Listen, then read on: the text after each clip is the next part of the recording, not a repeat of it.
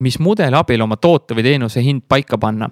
kuidas USA turule ja oma ala tippu välja murda, kui oluline on oma toote ja teenusega eristuda, kui lihtne on online koolitusi võõrale turule viia, millised on peamised ämbrid, mida ettevõtjana on kolistatud, kuidas teha turul ja klientide hulgas äh, uuringut, kas peaks minema niši või lammutama kohe oma toote ja teenusega ja turundusega laiale massile. kas persooni bränd on tänapäeval oluline või pole see teema? Mina olen Timo Porval digiagentuurist Lavi ekspordime osa number viis on valmis ja alustab.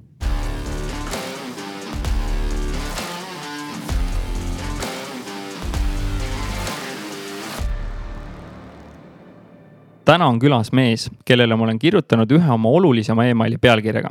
kui sa seda kirja ei ava, ei saa sa kunagi teada. sellele kirjale järgnes see, et ta võttis mind mentorina oma tiiva alla ja jagas teadmisi ja kogemusi. kui kokku saime ja koos õlut jõime, meeletu inspiratsioon ja igavesti tänulik talle selle eest. ta tõi internetiturunduse Eestisse, kasvatas oma koolkonna ja selle liikmeks ennast eh, pean ka mina. ma printisin ta internetiturunduse kaitse ees välja, lõin sellele augud sisse, sidusin saapa paelaga kinni, jahmisin selle kõik endasse. see siin on originaal, mida ma olen kümme, kümme aastat hoolsalt alles hoidnud see oli piibel ja kümme käsku minu jaoks. ta on edukalt siit USA turule murdnud, käivitanud koos Viljo Vabriti ja Leho Kraaviga CXL agentuuri, CXL instituudi ning on ise kogu tehingute optimeerimise valdkonna tippude tipp, kogu maailmas loomulikult. lisaks hiljuti launch inud copy testing'u, mis aitab aru saada, mis osad tekstidest inimesi kõnetavad ja millised mitte. just podcast'i salvestamise hetkel on ta avalikult välja öelnud, et kavatseb muuta Adeft.com'i abil seda, kuidas me päriselt õpime. toetasin ka ise nende crowdfunding'u kampaaniat, sest see lähenemine, kuidas nad õpetada plaanivad, tundub geniaalne. kindlasti puudutame seda teemat ka tänases saates. selle kõige tegemise ja käivitamise juures on ta siiras ja äge inimene, sest see kõnede hulk, mis tema neljakümnendal sünnipäeval ja see, millest ta lähedased inimesed rääkisid, jättis mul suu lahti usun, et seal ruumis ei olnud inimest, kes poleks tahtnud tema nahas sel hetkel olla. ise ma viisin talle sinna suure kuvalda, millel lasin peale graveerida. ilma sinult saadud abi, nõuannete ja inspiratsioonita poleks ma see, kes ma olen. ega seal, kus ma olen. suur aitäh kõige eest ja lammuta samamoodi edasi. Ahti, ole hea, keera palun uks lukku, sest mul on väga palju küsimusi talle. Peep Laja tere tulemast Ekspordime podcasti. tahad sa selle tutvustuse lõppu midagi lisada, täiendada, muuta või parandada? ah, et ei olnud piisavalt ülistuslaulu veel või jah, et mis, mis siis päriselt on? no kõik, kõik nagu sa, mida sa kirjeldasid, päriselt juhtus, kinnitan äh,. aitäh äh, heade sõnade eest. kuule, aga lähme siit äh, kohe asja juurde. Ütle, kas sa mäletad äh, seda hetke või seda mõtet, mis sind üle selle piiri lükkas, et eh, sa mõtlesid, et davai, USA turg, siit ma tulen, aitab sellest Eesti väiksest turust mulle küll mm. -hmm. no konkreetne moment võib-olla meeles ei ole, aga mõte oli see, et ähm, vot kui mäletad, see internet marketing blogi tol ajal mul oli mailing list'i suurust ei mäleta, aga mäletan, seal kuus oli mingi viisteist, kaksteist, kakskümmend tuhat äh, külastust ja see mailing list'i kasv oli ühel hetkel nagu mingi platoo saavutanud. ja, ja siis no Eestis ma tegin ilgelt koolitusi, on ju ähm, kahe tuhandete siis esimesel dekaadil. ja, ja siis oli mingi hetkel oli tunne, et nagu lagi on käes. Äh, et äh, sellel turul nagu noh, veel suuremaks saada on nagu midagi jääb, noh, tuleb sein ette või lagi ette ja süües kasvab isu. ja, ja siis eks hästi palju oli minu käest ka igalt koolitustelt küsitud, et noh, kuule, aga välismaale, et noh, oled nii kõva mees siin, õpetad kõigile, kuidas teha asju. no see oli väike hirm ka nahas on ju, noh, kas ma ikka saan nii-öelda päris konkurentsis hakkama.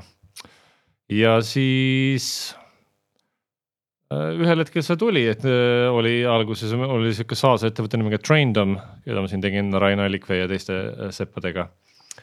ja, tollest ei tulnud midagi välja. kaks aastat punnitasime, see oli nagu esimene katse. muidugi enne seda olid mul mingid infotooted ja affiliate tooted olid juba ka, aga need ei olnud nagu minu, ütleme isiku nime alt. see on nagu kõige hirmuäratavam, et sa paned iseennast nagu sinna kuhugi välja ja, ja siis kaks tuhat üksteist oli see conversionexcel.com blogi, mis oli siis, et see oli nagu minu isiklik blogi. see oli nagu siis esimene, et siin ma olen, siin ma tulen. algus oli hirmuäratav, aga mu abikaasa, kes on ameeriklanna, toetas, et kindlasti saad hakkama. mis see kõige hirmsam hetk oli, mis sind nagu, mis sind hirmutas? no võib-olla hoidis tagasi see, et noh, oma külas oled kõva mees, aga nagu siis lähed nagu linna, siis saad peksa eh, noh, need tüüpilised inimese hirmud, et keegi ütleb, et ma eksin, keegi ütleb, et on vale, keegi ütleb, et sa oled loll, keegi ütleb, et äh, sa ei tea ja siis ise tunned ka, et nagu mul on ju endal ka mingid eeskujud, keda ma järgin. ja kes olen mina ja keda siis mina õpetan. aga sellest nagu ülesaamine, noh, loomulikult oleneb tegevusvaldkonnast, no me, me, minu jaoks oligi see, et ma olin olnud nagu konsultant, koolitaja, et siis jätkata nagu seda liini pidi. et võtta see mindset, et ma olen nagu uuriv ajakirjanik. ma mitte see, et ma ei õpeta, vaid siin ma tegin, ma uurisin nüüd seda valdkonda, siin on, mis ma teada sain, noh umbes. ja siis, kui sa hakkad mingit valdkonda uurima, siis äh, paratamatult niimoodi saadaksegi eksperdiks, on ju. just mäletad sa, mis see esimene blogipost oli, mis sa sinna Conversion XL-i üles panid? oo oh, jaa, kõige esimene oli um, pricing experiments. You might not know about or midagi sihukest ja see läks kohe viral'iks esimese postituse ja ma kirjutasin selle meelega Hacker Newsi audientsi silmas pidades. sain number üheks Hacker Newsis, see tõmbas kohe mu blogi kummuli. see, kui sa oled number üks Hacker Newsis, see tähendab, et sul tuleb sada tuhat külastajat tunnis ja, siis Tim Ferris äh, jagas äh, paar päeva hiljem uuesti blogi kummuli ja nii edasi äh, ja siis mul oli seal mingi kaks viral postitust nagu järjest. loomulikult samal ajal äh, rabasin nende email'e oma blogist on ju. see algus tuli. see blogiposti kirjutamine tõenäoliselt ei võtnud sul nagu tund või kaks, kaua see nagu aega võtab, et kirjutada nagu nii head blogiposti, mis päriselt mm. siis lendaks, on ju no tänapäeval, kui ma vaatan nendele postitustele tagasi, minu, minu enda sisemine standard on juba tõusnud, aga tol ajal tundus nagu, et see on nagu hea standard. no ma arvan, et kuusteist kuni kakskümmend tundi kuskil. ja sellest eelkõige enamus aega läheb ikkagi research'ile, mitte kirjutamisele mm. -hmm aga kuidas ja kes need esimesed eh, kliendid olid, kes siis selle USA turul ja selle blogi peale tulema hakkasid ja mida sa pakkusid neile üldse mm? -hmm no alguses see oli nii, et Conversion Excel oli minu isiklik blogi ja siis meil oli veebiagentuur Markitect. ja Markitecti esimesed kliendid olid kõik Eestist, noh, minu mingi vana selle ütleme suhete ja reputatsiooni pealt on ju seal direktori ajakiri ja Pärnu konverentsid ja mida iganes. Ja aga siis hakkas ma seal, mul olid seal mingid siuksed veebilehed, ma tegin tunniajaseid äh, nagu website review teenuseid, et siis noh Skype'is ma eeldan tol ajal veel noh, vaatad kellegi veebilehe üle ja räägid siis, mis ma siin arvan, on ju.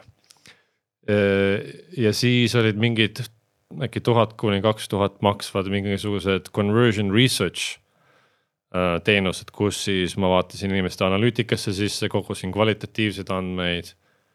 Ja, ja need, nende hinnad mingi noh, ma ei mäleta täpselt, mis nad olid, on ju. noh, peamine printsiip on see et noh, kogu aeg need hinnad, ma neid tõstsin, sest kuskilt sa alguses noh, ebakindlus, mida iganes, alustad madala hinnaga ja siis sealt lähed on ju üles. ja aga millal meil tulid nagu esimene sihuke päris välisklient, kellele me tegime nagu midagi suuremat, ega ma ausalt öeldes ei mäletagi, ma mäletan, et esimene, üks esimesi optimeerimiskliente, kellele me tegime ka nagu AB testingut ja asju, oli äh, sihuke fitness guru nagu Jason uh, Ferrugia. JasonFerrugia.com, tal on mingi seal miljon jälgijat ja nii edasi. et see oli üks, üks klientidest, aga noh, tänapäeval nüüd noh, kümme aastat hiljem nagu noh, siuksed, sihukeste eelarvest, eelarvetega väikseid projekte me ei puutu üldse ma mäletan ka, kui me saime kokku, siis sa ütlesid, et nii, Timo, rohkem me mingeid viie tuhande euroseid või daalaseid kliente ei teeninud, et noh, miinimumpakett on kakskümmend viis tuhat. kuidas selle nagu switch'i tegite, kuidas see nagu mõttelaad seal taga nagu käis? noh, midagi ei juhtu üleöö, kõik see on ju pikaajaline nikerdamine ähm,. aga üldiselt on see, et sa ettevõtja nagu teenusefirma, nagu sa alustad, sa alustad, sinu konkurentsieelis on see, et ma teen natuke odavamalt kui mõni teine. sest ma olen näljasem. ja aga kui ühel hetkel sa hakkad nagu kasvama või tahad kasvada. sul on, tulevad suuremad kulud, sul on rohkem inimesi, ma ei tea, suurem kontor, mis iganes, kulud lähevad ülesse. see, see, see madala hinna strateegia ei ole jätkusuutlik kui sul ei ole just mingit struktuurset äh, eelist, noh, et sul ongi slave shop seal Filipiinidel või noh. muidugi Eesti, Eesti väga pikka aega oli, oli see suur eelis meil, et meil eestlased on palju odavamad kui ameeriklased. siiamaani. Äh, et see eelis äh, mul loomulikult oli. ja, aga siis ma hakkasin ka ise rohkem selles mm, noh, network ima, et ma saan aru, mis teised küsivad raha ja millise teenuse mida nad selle raha eest annavad ja siis samal ajal hakkas kasvama ka meie mm, jälgijaskonna profiil. see oli siis, see on siis otseselt seotud sellega, et millest me kirjutame, et noh, kellele see pakub huvi. et kui ma ise alguses kirjutasin rohkem nii-öelda väikse firma vaatevinklist, siis ka tulid seda tüüpi inimesed, sest neid selline content tõmbab ligi. ja siis loomulikult ka kogu aeg hinnaga eksperimenteerimine, ehk siis me oleme selle hinnaga müünud nüüd mingi kolm klienti, noh saanud. järgmisele paneme kümme protsenti otsa. kui ta võtab selle vastu, siis jäämegi sellele uuele tasemele. see on nüüd meie uus normaalne. ja siis jälle võtame paar klienti selle hinnaga, nüüd on jälle paneme kümme protsenti otsa. ja niimoodi siis see hind läheb kuni ja kui sa saad pushback'i, et uh natuke liiga kallis on.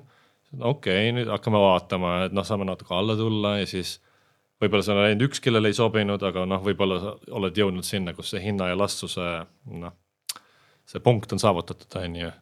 aga siis jällegi sinu kaliiber, sinu ekspertiis, kõik asjad ajas kasvavad ja saad jälle üles minna. tuleb esimene suurem klient, õpid tema käest, kuidas nende äri käib. järgmine ja siis sa saad juba panna uhkemad logod välja ja kuidas sinu arvates kõige sihuke targem viis on, kuidas siis võõral turul üleüldse seda usaldust saavutada, et noh, sina hakkasid, on ju, blogima mm. -hmm. aga kui sa nüüd peaksid nõu andma teistele ettevõtjatele, turundajatele täna, et tahan minna uuele turule, kuidas selle kõige targem viis siis seda usaldust saavutada oleks? ma arvan, et sellised kontseptsioonid nagu eksport, import on äh, tänapäeva maailmas, noh, need on nagu ajale jalgu jäänud terminoloogiad. internetis me oleme kõik ühe kaugusel sa oled Boliivias, äh, New Yorgis või Põlvas, meil jõuab sinuni sama kiiresti, on ju. selles suhtes, et see, et meil need piirid, geograafilised riikide piirid, neid ei ole olemas internetis. ainuke, mis on keel. kui sa lähed inglise keelde, sul kohe laksust kõik inglise keelt rääkivad inimesed on äkki sinu sihtgrupp loomulikult, kui sa müüd nagu füüsilisi tooteid nagu ma ei tea, toolid ja lauad, siis noh, shipping on nagu omaette. aga kui sa müüd bitte ja baite, või, või konsultatsiooni, no siis ei ole mingit vahet, on ju. ja e, ehk siis, kuidas saada usaldust, no nagu ei ole vahet, et kuidas sa saad põlvakatega usaldust nagu samamoodi, et ole aus mees ja tee, mis sa lubad ja. ja, ja nii ongi aja, see on ikkagi aja küsimus, on ju kui sa ise täna nullist hakkaksid uuesti murdma ingliskeelsele turule mm, -hmm. mis sa teeksid täna teisiti, kui sa tegid too hetk? no oleneb, mida ma müün, on ju, et kui ma müün endiselt konsultatsiooni, see on minu äri, et ma tahan pakkuda mingit teenust. siis ma kasutaksin nagu account based marketing mudelit, ehk siis ma teen kõigepealt nimekirja, kes on need, kes peaksid minu kliendiks hakkama. näiteks sada ettevõtet või viiskümmend oleks parem alguses siis identifitseerin, kes on need võtmeotsustajad nendes spetsiifilistes ettevõtetes. mis probleemid nendel on, hakkan neid kõiki jälgima LinkedInis, Twitteris, kus iganes nad hängivad, on ju. iga päev vaatan, mis nad ütlevad, iga päev suhtlen nendega läbi kommentaaride LinkedInis, Twitteris, mis iganes, on ju ja, ja see iga komment, see ei ole mitte mingi nice going bro või mingi jee, vaid sa ütled, kirjutad hästi läbimõeldud sisuka kommentaari, siis need saavad ka üldiselt palju näiteks LinkedInis, mis on praegu veel kõige parem nagu kanal. saad palju likee seal ja nii edasi ja nii edasi, et see, nad näevad seda ja siis, kui need inimesed hakkavad iga päev sinu nime nägema, teavad, kes sa oled. varem või hiljem no, tekib huvi, et no aga kes see tüüp on, kes kogu aeg kommenteerib siin väga siuksed asjalikud küsimused või mis iganes laused on ju et see on kohe usaldus, on ju, et sa, sa, see on see, see on üks nagu see cognitive bias on, see on see mere exposure efekt, kui keegi sind lihtsalt näeb regulaarselt sa hakkad selle talle, see inimene hakkab sulle rohkem meeldima, sa, sa usaldad teda rohkem, kui sa sõidad iga päev trammiga tööle. sul iga päev on seal trammis needsamad inimesed. siis ühel päeval on sulle vaja, ma ei tea, valva mu kotti korras, ma käin vetsus ära, noh, sa. Olen näinud juba kolm kuud, ühtegi sõna pole öelnud, aga noh, see, see on seesama efekt, on ju. ja, ja siis loomulikult noh, et kui sa müüd ennast kui eksperti, siis sa pead näitama oma ekspertiisi, demonstreerima seda ehk siis see on sisu läbi, on ju ja tänapäeval noh, see, et sa teed ainult blogi, on nagu natuke rumal, sest kõik, kõik, mis sa paned blogisse, kõik saab minna sotsiaalmeediasse. Eh, sealjuures kõike saab teha audioks, videoks ehk siis äh, nii-öelda repurposing of content on ju. Aga sisuga nagu, kui sa oled ekspertiisi äris, siis ikkagi sisuga ja inimsuhted, loomulikult kui oleks äh, koroona, noh kui koroonat ei oleks, siis tuleks minna ka kõikidele konverentsidele jällegi. kui mul ABM nimekirjas need sada inimest kus nemad käivad, ma olen igal konverentsil ja nendega tuleb äh, paaris õlut juua endiselt. Sa oled, äh, enne kui ma küsin, et kuidas sa seda usaldust tekitaks, kui sul toode oleks, sa oled ise öelnud, et see network imine ei ole nagu sinu päris loomuomane asi mm. ütle, kuidas sa selle switch'i teed, sest ma olen sind kõrvalt näinud äh, eliitlaagris network imas, mul lihtsalt oli suu lahti, et nagu vau wow.. ja siis sa pärast ütled, see ei ole üldse mu loomuomane ja, ja mida sa üldse ja. küsid ja kuidas sa alustad neid vestlusi? no noh, ma ei, ma ei ole nagu naturaalne ekstravert ja, ja kui, kui on nagu see. Ma lähen mingile üritusele, kus on sada võõrast inimest, ma olen ikka see pigem, no mitte müürilill on ju, no võib-olla keskkoolis olin. aga ma olen pigem see vaikne on ju, et ma ei, ma kohe ei lenda peale, ei ole see seltskonnalõvi on ju esimesest hetkest. aga see on nagu oskus nagu iga teine, eriti kui mul on mingi missioon, mul on eesmärk sa peadki endale, alustad network imist sellest, et mida ma tahan saavutada. Äri network imis on kõige tähtsam see, et sa mitte midagi ei müü, on ju, sest mitte keegi ei taha mitte midagi osta. eesmärk on olla lahe mees või naine, on ju. ehk siis äh, inimestele meeldida, saada neid tundma. mis on inimeste jaoks kõige huvitavam teema? Nemad ise loomulikult, siis alustadki sellest, what do you do? äri kontekstis on see nagu kõige lihtsam ja siis küsid, aa, kas tõesti, aa, kuidas te seda teete, juba kaua olete seda teinud ja lihtsalt küsid ja siis ta lihtsalt räägib. Ja nüüd, kui ta on sulle viisteist minutit endast rääkinud, siis loomulikult järgneb what about you, on ju. ja siis, ja siis te leiate mingid ühised huvid ja teemad, mõnikord ei kliki ja iga inimesega ei kliki, see on tavaline no, naturaalne keemia, on ju. mõne inimesega räägid sa kaks tundi jutti ja olete pärast parimad sõbrad, on ju. ja üldiselt konverentsid, noh praegu on jällegi imelik nendest rääkida, on ju, aga need on olnud siuksed kohad, kus on nagu sõprade kokkusaamise kohad, on ju. Ja ühel konverentsil kolmkümmend minutit ühe inimesega rääkida, võõra inimesega, ehitab sul suhet järgmiseks, järgmised viis aastat võid selle peal liugu lasta nagu, et sa saad talle emaili, ta alati võtab, vastab, on ju. kui see oli mingisugune meaningful conversation, mitte on ju, et ma, ma olen sinu suurim fänn, on ju keegi ei taha sellist, kui sa lähed mingi kuulsa inimesega rääkima, mitte keegi ei taha kuulda seda juttu, et ma olen sinu suurim fänn, kedagi ei koti. Sa ennast kohe, sa paned kohe alguses hierarhia paika, on ju. ja äh, kes on see, Oren Clough on see, äh, see autor, kes kirjutab nendest asjadest, et tuleb kohe saada see, et te olete samal levelil staatuses, on ju. ja seal noh, raamatuses on erinevad need nipid, kuidas kuidas, kuidas seda saavutada, on ju, et sa seal name drop'id midagi või sa näitad mingisugust äh, sügavat ekspertiisi valdkonnast, mis teda ka huvitab, on ju ja nii edasi, et äh, seda Klahvi raamatut ma olen lugenud, mulle see nimi ei meenu, aga me paneme pärast selle sinna show notes idesse või kirja, et see oli tõesti väga hea raamat, et kuidas kohe olla samal levelil, on ju. Äh, toote usalduse võitmine, et mul on nüüd mingi toode, mingi tükk asja, tool smuuti segu, kuidas ma nüüd hakkan seal mm. ingliskeelsel turul sellega siis toimetama? noh, kõik sõltub, on ju jällegi, et millisest hinnatasemest, milline on bränd, kes on sihtgrupp, aga no toode endast kõigepealt loomulikult äh, sul on vaja äh, palju arvustusi, ju, et noh, kas, kes veel ütleb, on ju. Testimonial'id, review'd, nii edasi ja loomulikult äh, sa saad neid mitte nii, et sa lihtsalt äh, ootad kiiremini, et inimesed tuleks ja paneks neid, äh, vaid sa viskad neile pappi või turgutad mingit muud Amazon gift card'id, et kui sa vaatad no, näiteks G2 see sait on ju g2.com, kus on kõik need SaaS saidid äh, ja nende review'd. seal on kogu aeg on need, kui sa kasutad mingit tarkvara, loomulikult nende annual contract value on seal kakskümmend kuni kakssada tuhat, nagu iga review võib olla väärt noh, väga-väga palju raha siis ikka visatakse sulle sada dollarit näiteks ühe review kirjutamise eest ja see on nagu tegelikult täiesti tavaline, kui sa müüd muidugi viie dollarist smuutisegu. noh, see on natuke teistsugune, võib-olla saad tasuta neid nii ka motiveerida. loomulikult need paljudes kohtades on need asjad kõik reeglite vastased. aga noh, kui sa tahad mängu võita, siis äh, valetada muidugi ei tohi, et äh, Neil Patel ei tohi panna, et sa hakkad seal ise välja mõtlema asju.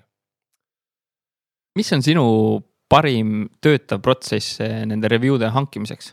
no ikka pead küsima ja pinda käima, eh, et eh, spetsiifilised inimesed, kelle käest küsida ja follow up, follow up, follow up nagu. noh, loomulikult see võib inimestele pinda käia, mõnda, mõnda häirib, on ju, aga noh, mis sa teed, on ju. ma ei räägi siin, ma ei propageeri spämmi absoluutselt, see on ikkagi väga sihitud öö, küsimine ja sa ikka pead motiveerima siis mingi, no miks nad seda teevad, mis nad sellest saavad kohe, kui sa tegid, ma annan sulle blablabla bla, bla. Kuidas te sellest CXL instituudis, mis see motivatsioon on, kui ma olen mingi mini-degree läbi käinud, eh, siis sa tahad mult review'd saada, mis teie vastu pakute, mis see boonus on või kuidas te nagu küsite? Mm? -hmm no suuresti inimesed ise tahavad jagada, sest me anname sulle kohe vahva sertifikaadi eh, ja saad, mida saad ühe, ühe lingi klikiga link, LinkedIn'i jagada. Ja inimesed ju jagavad ka see, et oo, tegin selle isiksuse testi, et ma olen nüüd see ma olen seal Harry Potter on ju, no mis iganes, on ju. et inimestele meeldib uhkustada ja kui sa saad nendele sellele nagu ka ära kasutada seda, on ju. nad ise jagama, no loomulikult toode ise peab hea olema, et kui on halb toode, nad ei ole rahul, siis mitte miski ei aita, on ju. või see maksab väga palju raha. et me loodame, meie toode on lihtsalt hea noh, mitte, et ei saaks öelda et, et sada protsenti rahulolevad kliendid, sest alati on mingi kontekstiga inimene, kes ei saa täpselt seda asja, mida tema tahtis. aga ütleme, üheksakümmend üheksa protsenti on meil ikkagi fännid. ja, aga siis, kui me tahame G2 review sid, siis me viskame neile vist kakskümmend viis daala Amazon gift card'i. palju sa kõige rohkem selle review eest maksnud oled ja palju sulle makstud on?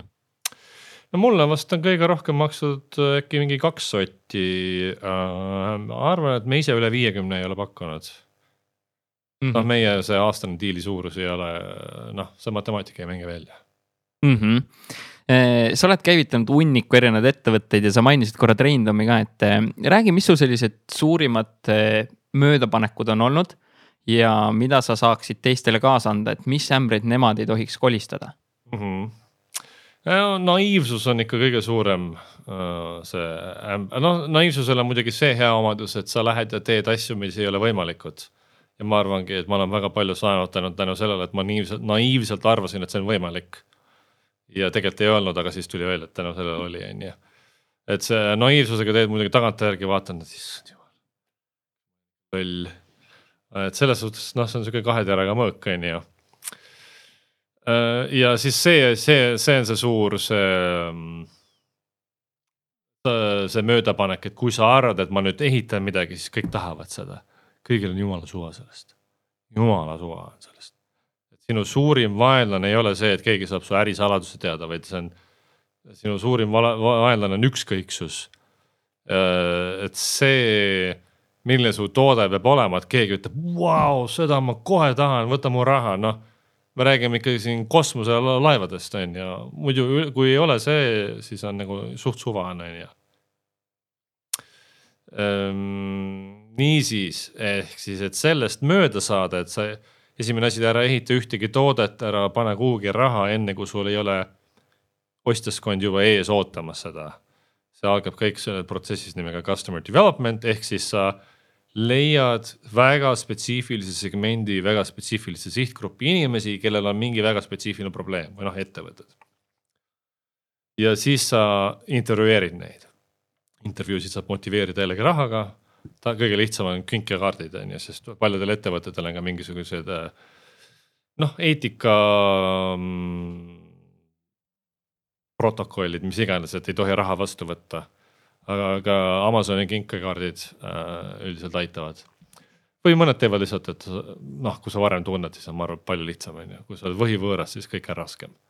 seetõttu suhte arendamise teema on alati on ju positiivne, aga no kui räägime uuest ärist, siis suhtled hästi paljude inimestega intervjueerid neid. sa pead tundma, tundma jobs to be done nagu seda metodoloogiat ja, ja sa pead väga selgelt aru saama, mis on see, mida sa tahad teada, on ju. mis, mis on see probleem, mis teil on, kuidas te seda praegu lahendavad, kui suur see probleem on näiteks me oleme sihukese pudeli kaela otsa astunud, väga palju raha kulutanud selle peale, et lahendanud probleemi, mis ei ole väga suur probleem. nagu näiteks?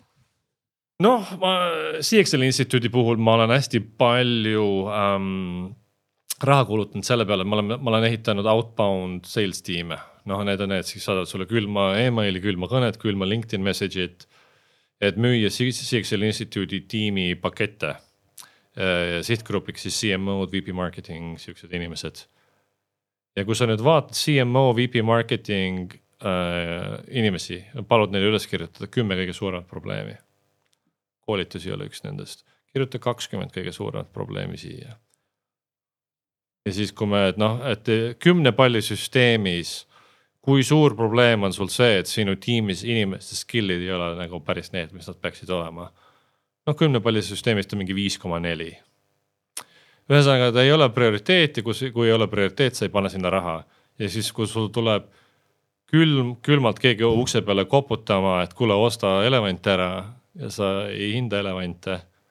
noh, see ei vii kuhugi, et siis ma olen pidanud inimesed koondama ja nii edasi ja kokkuvõttes on need eksperimendid päris palju raha maksnud niisiis, et sa tea siis, et mis, mis probleem on, on ju loomulikult inbound'il ja outbound'il on tohutu vahe, on ju, et noh, inbound on võtab palju rohkem aega ta üles ehitada, aga pärast seda on noh, tohutult palju efektiivsem, et need, kes, kelle jaoks on koolitusprobleem, kes tahavad oma inimeste skill'e parandada, et noh, need lähevad ise sind otsima, et kust nad sind leiavad ja kas nad leiavad, on ju. See on hoopis teine teema. niisiis, et jah, jobs to be done, customer development, räägi inimestega, saa aru, kus, kui, kui suur on probleem ja siis, kui inimesed muidugi ütlevad, kui palju sa selle eest maksaks, ära usu neid, sest äh, väga paljud inimesed on äh, kes äh, ütlevad, et ma maksaks noh sihukese summa ja siis, kui on aeg maksta, siis on oo ei noh, tegelikult et seal on ka igast metodoloogiad, et noh, küsige prepayment'i, aga, aga ma annan sulle diili, maksa praegu ära. Oled reaalselt kasutanud neid ja mida inimesed, kuidas nad reageerivad, paljud nendest on nagu päriselt, et noh, ma, ma annangi sulle selle raha ja, ja, ja meil on väga palju olnud kliente, kus me olemegi äh, võtnud raha vastu ja siis käsitsi teinud asju see on hästi palju, mida me praegu teeme copy testing us, et noh, meil on SaaS toode. ja seal on mitmed asjad, mis ei ole meil mingit funktsionaalsust ei ole ehitatud. Ja, aga siis me ja, ja meil ei ole ka võimalust maksta enda toodete eest või teenuste eest, mida ei ole olemas.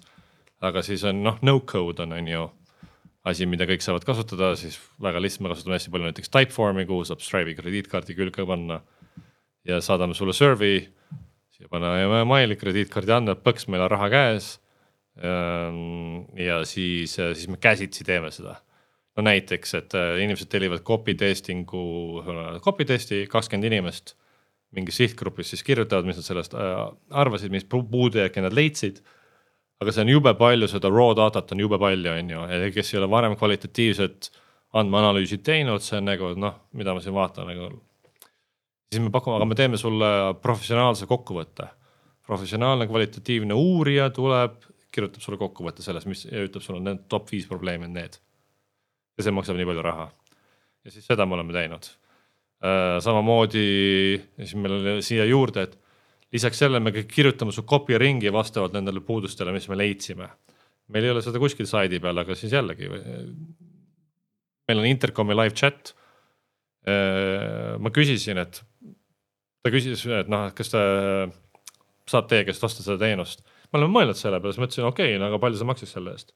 Ta ütles, et kakssada kuni nelisada, ma ütlesin, no viis sotti teeme ära. ja, ja maksis, maksis kohe ära. ma ise oma käega kirjutasin tema copy ringi. Äh, et ka õppida, kuidas see protsess välja näeb, kui palju ma aega selleks kulutan.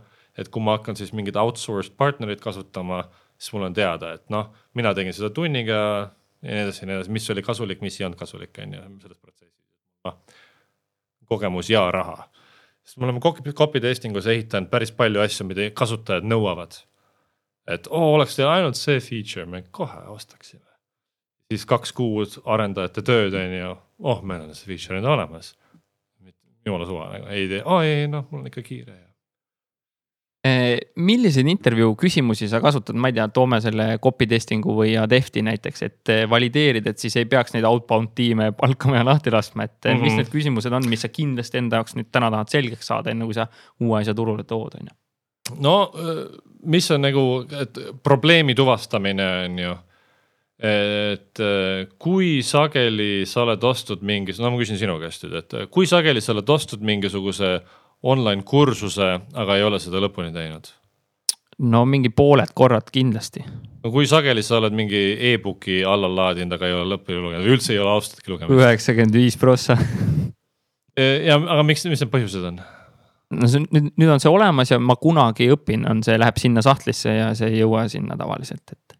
sest? sest ma ei ole tõenäoliselt planeerinud aega selle läbitöötamiseks. ja see, mis sa ajaga siis teed? tööd et sul on igasugused muud asjad, on ju, ja miks sa teed tööd. et tavaliselt on inimestel näiteks noh, mis me oleme Adefti puhul teada saanud või ka noh. räägi paari sõnaga, mis see Adefti mõte teil on, sest. Ma... no Adefti mõte on see, et kui tavaline traditsiooniline e-koolitus e-õpe on siis selline, et sa vaatad põhimõtteliselt hunnik videosid, on ju. ja siis äh, enamus ei vaata neid läbi, sellepärast et A, see võtab palju aega kui sa ei ole täiesti algaja ja sa hakkad videot vaatama, sa juba tead pooli asju, ilgelt igav on. ja siis, kui see on video formaadis, no kus sa leiad selle koha, kus on see, mingi uus jutt on, väga raske on, sellepärast video on hästi halb formaat.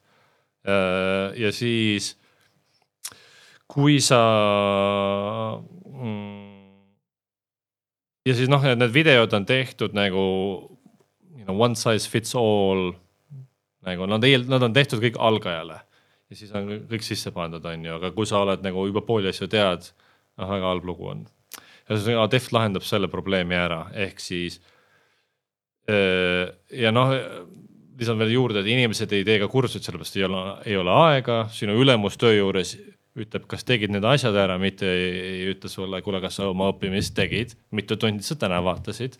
ei ole sihukest asja ja, ja siis noh, õhtul on kodus naine, lapsed ja koer ja, ja ongi kõik on ju, sporti peab ka tegema. ja, aga millal, mis paneb inimesi mingit koolitust otsima, sellepärast et sul on mingi probleem, mida lahendada. aa, ma tahan panna Google Tag Manageris üles seada tracking ut, et äh, kui kaugele inimesed scroll ivad igal mu lehel on ju ja kuidas siis ma saaks vaadata, kuidas see alla scroll imine mõjutab minu conversion rate'i. aga ma ei tea, kuidas seda teha selle asemel, et osta Google Tag Manageri kursus, mis on kuusteist tundi ja siis seitsmenda mooduli viiendas on see kolm minutit sellest juttu, on ju. selle asemel on Adeftis sulle kümnes, kümnesammuline playbook täpselt selle use case'i jaoks.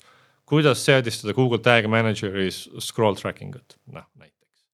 et äh, me oleme teinud nimekirja siis rohkem kui kümnest tuhandest ülesandest mida teeb, mida teevad inimesed turunduses, product management'is, customer success, sales ja nii edasi. Ehm, ja, ja siis iga selle spetsiifilise tegevuse jaoks on kümnesammuline playbook ja kui te nüüd seda hakkasite turule tooma, noh, idee on ju nagu väga kõva ja kui ma lugesin seda Deftist, mis olid need intervjuu küsimused, mis sa siis küsisid nendelt inimestelt? no tuvastasime, et kui suur on probleem see, et sa, sa tahad mingit nagu knowledge'it, teadmisi, aga sa, sa ei leia aega. mis põhjustel sa ei leia aega? Äh, ja siis, äh, mis nagu sind frustreerib nende e-õpete juures, et ma valideerisin, kas see probleem, mida me lahendame, päriselt ka eksisteerib või see on ainult mina olen üksik ja loll on ju, kellel on see probleem. ja siis järgmine samm oli see, et me tahame valideerida kontseptsiooni ja me olime välja, me olime ehitanud mittefunktsionaalsed prototüübid, põhimõtteliselt Wordpressi lehed. mingi lehed, kuhu me olime pannud mingi content'i ja kus oli siis ka disainitud mingi funktsionaalsus külge, no mingid nupud, mis tegelikult ei teinud mitte midagi, on ju, noh täiesti tavalised, no lihtsalt prototüübid. et, et seletame, Adefti idee on see, niimoodi näevad mingid playbook'id välja, andsime mingid lingid, nad said natuke noh kasutada neid ja ja siis, siis oli mul terve hunnik küsimusi selle kohta. et kas see sinu meelest lahendab seda probleemi, räägi, kuidas sa seda probleemi, kuidas sa seda kasutaksid. ja siis ma leidsin päris mitmeid use case'e, mille peale ma ise ei mõelnud. ütleb, et oh kui hea, et mul on need juunior alluvad või Filipiinidel äh, virtual assistant'id. et ma ei pea neile tund aega seletama, kuidas mida teha, ma saan lingiga selle, kuule näed, tee seda asja mulle. Et kui ma tahan nagu link building ut teha, link building outreach email'e kirjutada, kust leida kontaktid, milline emaili sisu, saada ainult playbook'id nüüd on ju, kõik tehtud. et põhimõtteliselt ma saan endale SOP enda ettevõttesse nende playbook'ide abil ju üles ehitada, on ju. absoluutselt, sa ei pea enam mitte midagi tegema, on ju, kõik on olemas. kõik tegevused, mida sa oma ettevõttes teed, kõik on olemas. ja kas ma neid saan ise käsitsi seal muuta ka, et noh, ma ei tea, meil Aviis teeme veel ühte tegevust lisaks sellele mm -hmm. playbook'i asjale? noh, see meil tuleb siis on ju, et noh, hetkel me Adeftist räägime ka kui toode in progress on ju äh, aga noh, tiimiplaanidel meil tulevad niisugused feature'id, saad omasid upload ida, customiseerida, et meie, meie ettevõttes teeme niimoodi palju sa selliseid intervjuusid nagu arvuliselt tegid ja kuidas läbi Zoom'i said? läbi Zoom'i mul mina ja üks minu kolleeg, me kahe peale tegime ära mõlemad kakskümmend intervjuud. et me võtsime valimiks nelikümmend, loomulikult kvalitatiivse uuringu puhul, kui sa räägid siin äh, kasvõi nagu Eesti nende Emori ja mis need on DNS-i inimestega on ju noh. Nemad teevad valitsuse uuringuid kaheksa inimesega juba on ju, siis selle pealt tehakse Eesti poliitotsuseid on ju et kvalitatiivses uuringus väiksed valimid on jumala okei okay.. me võtsime rohkem, sest me tahtsime valideerida ka teatud kvantitatiivseid küsimusi. noh, et, et kui meil on nelikümmend inimest, et kui paljudel see probleem on, et kas neljakümnest kolmekümne üheksal või neljakümnest kolmel. et kui sa intervjueerid viite inimest ja kolmel on probleem, siis selle probleemi suurusjärk on ikkagi sihuke, no see veamäär võib olla äärmiselt suur, on ju. seepärast me tegime ära ja iga intervjuu ainult mingi viisteist, kakskümmend minutit, hästi ruttu. kõik on loomulikult küsimused on kõik ette valmistatud, et fluff'i ei oleks, on ju, ja. ja mina ise need, keda me intervjueerisime, otsisin, et kõik sotsmeediast, et kõik tulid minu LinkedIn'i ja Twitteri peale, noh mul on see luksus muidugi, et mul on mingi teatud hulk jälgijaid seal, et siis tuleb nagu lihtsalt. no see luksus on sul enda tekitatud jah me enne siin podcast'i, enne kui me hakkasime salvestama, sa rääkisid hinnastamise mudelist, kuidas te jõudsite selle hinnastamise mudelini seal mm? -hmm. no kui sa guugeldad Vikipeediat, siis on sihuke äh, hinna äh, metodoloogia nagu Van Westerndorf uh, price sensitivity meter. ehk siis see on siis mudel, kuidas välja mõelda, kuidas mingile tootele hinda panna. et ja see on kõige siis sobilikum siis, kui uh, noh, sul on hästi suur kasumimarginaal tootel on ju, et noh, kui sul on mingi füüsiline asi, mikrofon, siis sul on mingid manufacturing costs on sees on ju anyway, millest sa alla ei saa tulla, aga kui ma müün e-raamatut, see võib olla ükskõik mis asi on ju. nii ja siis küsimused on põhimõtteliselt neli küsimust. üks küsimus on siis, et äh, kui odav see peaks olema, et sa hakkaks kvaliteeti-, kvaliteedis kahtlema, et sa arvad, et see ei saa hea olla, sest ta on niivõrd odav. teine on see, et mis hind see oleks see, et oleks nagu no-brainer, kohe ostan ära, nii odav, vau Äh, kui, mis hind oleks see, kus hakkab juba kalliks minema, aga on ikka veel noh, võimalik, et sa veel käiksid selle raha välja. ja siis, et kui palju oleks juba liiga palju. ja siis äh, igale sellele hinnaklassile sa saad teatud mingid numbrid, noh, meie saime need äh, vahemikud seal viiest dollarist siis mingi viiesajani, ütleme. ja siis võtsime väiksed mediaanid ja, ja, ja ka average'id ja siis vaatasime, mis, mis, mis hinnad seal on, on ju ja me hindasime ka niimoodi, et noh, mina ja siis see teine inimene, me tegime oma kaks, kakskümmend intervjuud eraldi. et me arvutasime need veel eraldi välja, et, et kas on mingi bias selles, et kuidas me sõnastasime ja meil tuli täpselt identne tulemus. no selle pealt võib ju tõenäoliselt sõita küll, on ju? selle pealt võib täiesti sõita nagu jah. millised eh, sellised asjad sa oled võtnud projektist projekti kaasa, mis on alati nagu edu toonud ja lähevad ka, kanduvad üle järgmisesse projekti, et mida tasub alati kindlasti teha kõikide mm -hmm. uute asjade käivitamise juures? Copy first, kõiki asju müüvad sõnad äh, ehk siis äh, hästi palju rõhku copywriting ule äh,. disain on äh,, no ma mõtlen kogu aeg eighty-twenty on ju, mis on piisavalt hea. sest sa võid, on ju iga asjaga minna üle võlli, et sa paned palju rohkem aega, ressurssi ja igast asju sisse, mis ei anna enam efekti, on ju, et no ühel hetkel see piisavalt hea on piisavalt hea disain on täpselt selline asi, et äh, tänapäeval eriti arvestades, kui palju on igasuguseid template'e saadaval. Jube, jube ruttu annad sulle midagi good enough'i laivi visata, on ju, kasvõi sul tavalised Webflow template'id või mis iganes landing page builder'id, neil on nagu noh, et selle peale väga palju aega ei pane, on ju. Aga copy kirjutamine on see, on ju, et mis copy müüb, on ju, et siis copy'le alati rõhk, palju rõhku. Loomulikult igal projektil peab olema võimalus kohe email'e rabada, sest sa tead, et noh, kuidas sa muidu inimestega saad suhelda, on ju, ja neile meelde tuletada, osta ja, ja tagasisidet küsida ja kõik need asjad kiirus, noh, et iga asjaga, et ei, ei, ei, ei äh, tegele üheksa tundi arutamisega, on ju. kohe viskad midagi laivi ja siis sa saad vaadata, et kas midagi juhtub nüüd või ei juhtu, on ju. Et siis on millest nagu rääkida ka, mitte see, et äh, kõigepealt siis, et inimesed tunnevad mõnikord see perfektsionism on ju, et issake, kui me paneme selle laivi, siin on üks piksel on valesti, et noh, äkki keegi näeb ja ütleb halvasti, on ju, noh, see on nagu see on kõik jumala suva, on ju. et hästi kiiresti midagi laivi, eriti tänapäeval see on niivõrd lihtne, noh kogu see no code ja design templates ja Mik,. miks inimesed sinu arvates perfektsionistid on? mis seal taga on? hirm. aga hirm on see, mis araks teeb, sellest tuleb üle mm. -hmm. kui sa siinkohal peaksid välja tooma, ma ei tea, kolm kopiraamatut või ressurssi, mida kui ma tahan kirjutada paremaid müügikirju, siis mis need oleks hmm.? Vaata, ma ise ei ole sellist asja väga ammu raamatutest äh, lugenud. kus sa loed äh, või kus sa hangid neid teadmisi ise?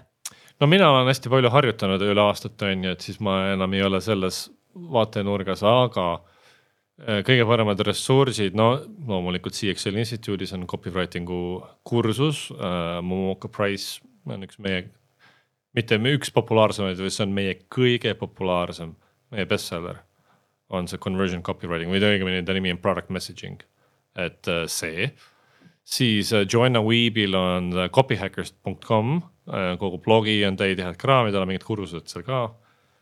et noh, nendest kahest alustaks mm. -hmm. millised turunduskanalid ja funnel'id on teile sinna instituuti kliente toonud ja mis on siis olnud ajaliselt raiskamine lisaks sellele outbound tiimile on ju mm.?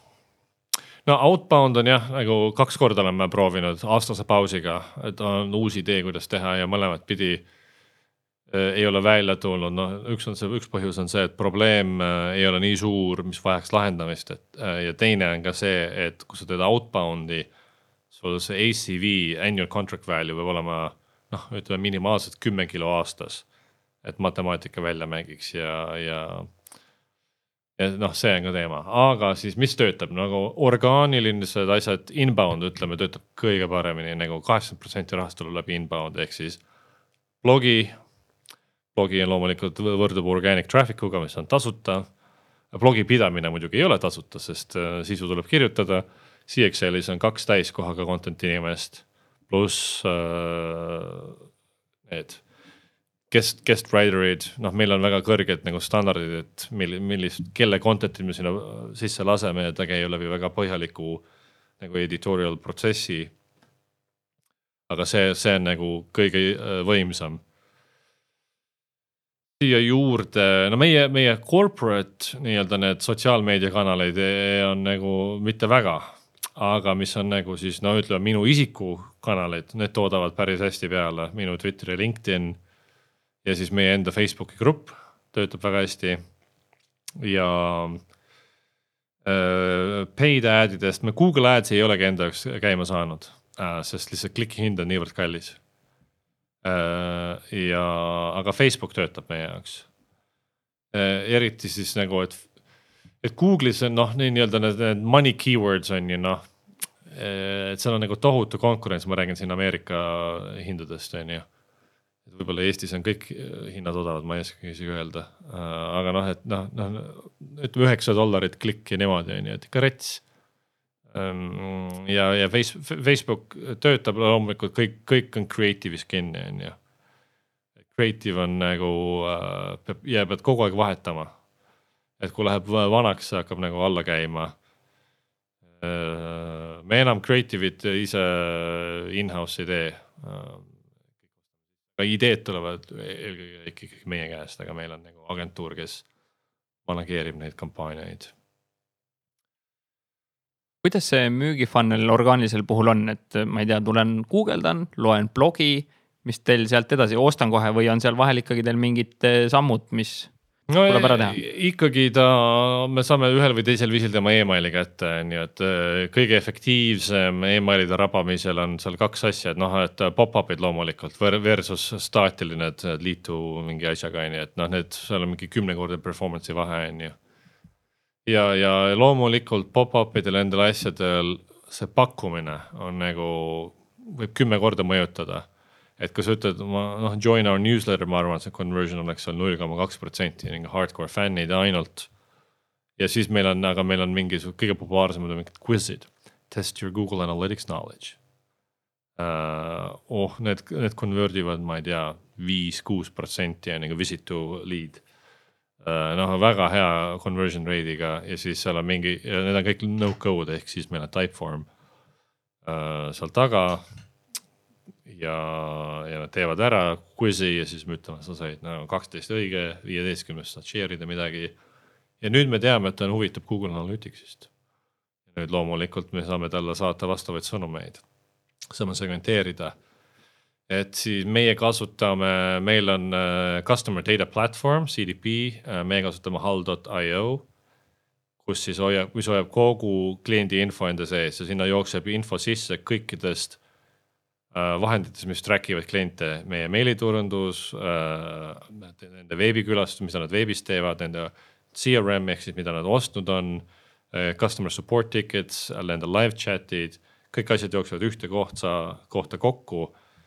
Äh, ja nende ostuajalugu on ju sealjuures, et siis ja need op-, email opt-in'id, mida nad on, millega nad on liitunud ja loomulikult kõikidel on timestamp küljes on ju, et siis me saame saata inimesele äh,, inimesele, kes eelmine nädal tegi Analytics quiz'i, aga ei ole ostnud Analyticsi äh, intermediate kursust, aga on ostnud basic, selle beginners kursuse. ja võib-olla oli meie konverentsi mingi pre-launch listis kolm aastat tagasi ja on külastanud kolme lehekülge äh, meie saidis viimase äh, seitsme päeva jooksul, noh mis iganes siukses segmendi ma saan tuua ja neile saata relevantseid sõnumeid. ja noh, loomulikult meil on mingid automaatsed trip kampaaniad küljes on ju, mis saadavad siis ise. et kohe, kui sa mingi opt-in'i teed, siis vastavalt, mida sa seal tegid, hakkad saama õigeid asju. ja lisaks siis nagu pop-up idele, ma ütlesin, quiz'id töötavad hästi, meil on ka siis, me anname ka ära siis tasuta kursuseid Äh, ja meil on seal teatud kursustest on nii-öelda see intro versioonid on nagu täiesti tasuta. et sa saad võtta see esimesed, ma ei tea, kümme minutit või, et noh, meil on see, et kuidas me kursuseid toodame, on, et me võtame, kes, küsime, kes on maailma parim selles valdkonnas, okei okay,, sina.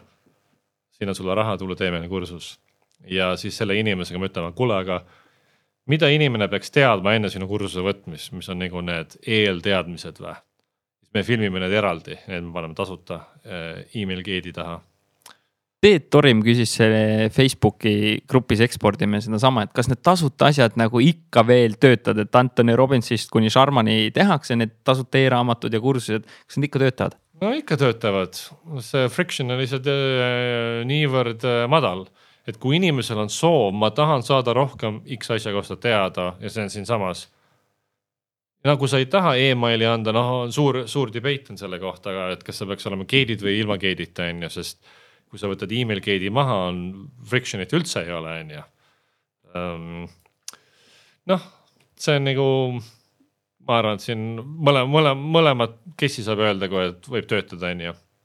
me oleme ikkagi kogunud email'e, sest meie puhul on see, et mida me kogu ettevõttes iga nädal track ime, näiteks turunduse poole peal meil äh, noh, loomulikult müük on kõige suurem, müük on, aga see on lagging metric ehk siis müük, müüginumbrid on mingite asjade tulemus. sa ei, sa ei suuda mõjutada müügitulemust, sa saad mõjutada tegevusi, mis mõjutavad müügitulemust, on ju. ja meie jaoks on siis see, et äh, mitu e uut emaili me saime igal nädalal, mis otseselt korreleerub siis sellega, palju raha teisest välja tuleb ehk siis äh, turundusinimese iganädalane tiimi meeting, okei okay..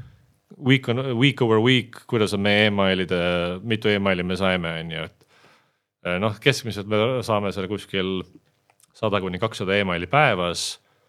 ja siis me, aga eesmärk on jõuda viiesajani päevas on ju, et kas me trendime siis vahepeal on flat, okei okay kas me oleme testinud piisavalt opt-in'e, kas me oleme pannud mingeid uusi offer eid välja. noh, ja nii edasi on ju, diskussioon, siis me saame mõelda, mida me saame paremini teha. ja teine, mis meil on, siis meil on trial start, siis meil on äh, kõikidel asjadel on äh, ühe dollariline trial. Ja siis, et äh, trial starts loomulikult otseselt mõjutab siis, kui palju raha me saame. et need on need kaks nii-öelda siis leading meetrikud sa enne rääkisid seda, et kirjutame head sisu ja siis saame Google'is häid positsioone. kas te link building ut ka teete outreach'i, et selliseid linke nagu koguda või ongi see, et mm. on hea sisu ja küll need lingid tulevad, kuidas teil see? no me võtsime täiskohaga inimese Filipiinidelt, muidu super hea sait on see onlinejobs.ph. Ja seal on nagu noh, ulmehinnaga saad täiskohaga inimesi endale, noh ja me võtsime ühe väga kogenud nagu inimese täiskohaga tööle, seitsesada dollarit kuus ja kontraktorina siis on ju, et tööjõumakse sinna juurde ei tule. Ja, ja tema seda tegi meil nüüd pikka aega, eks üle aasta, ma arvan.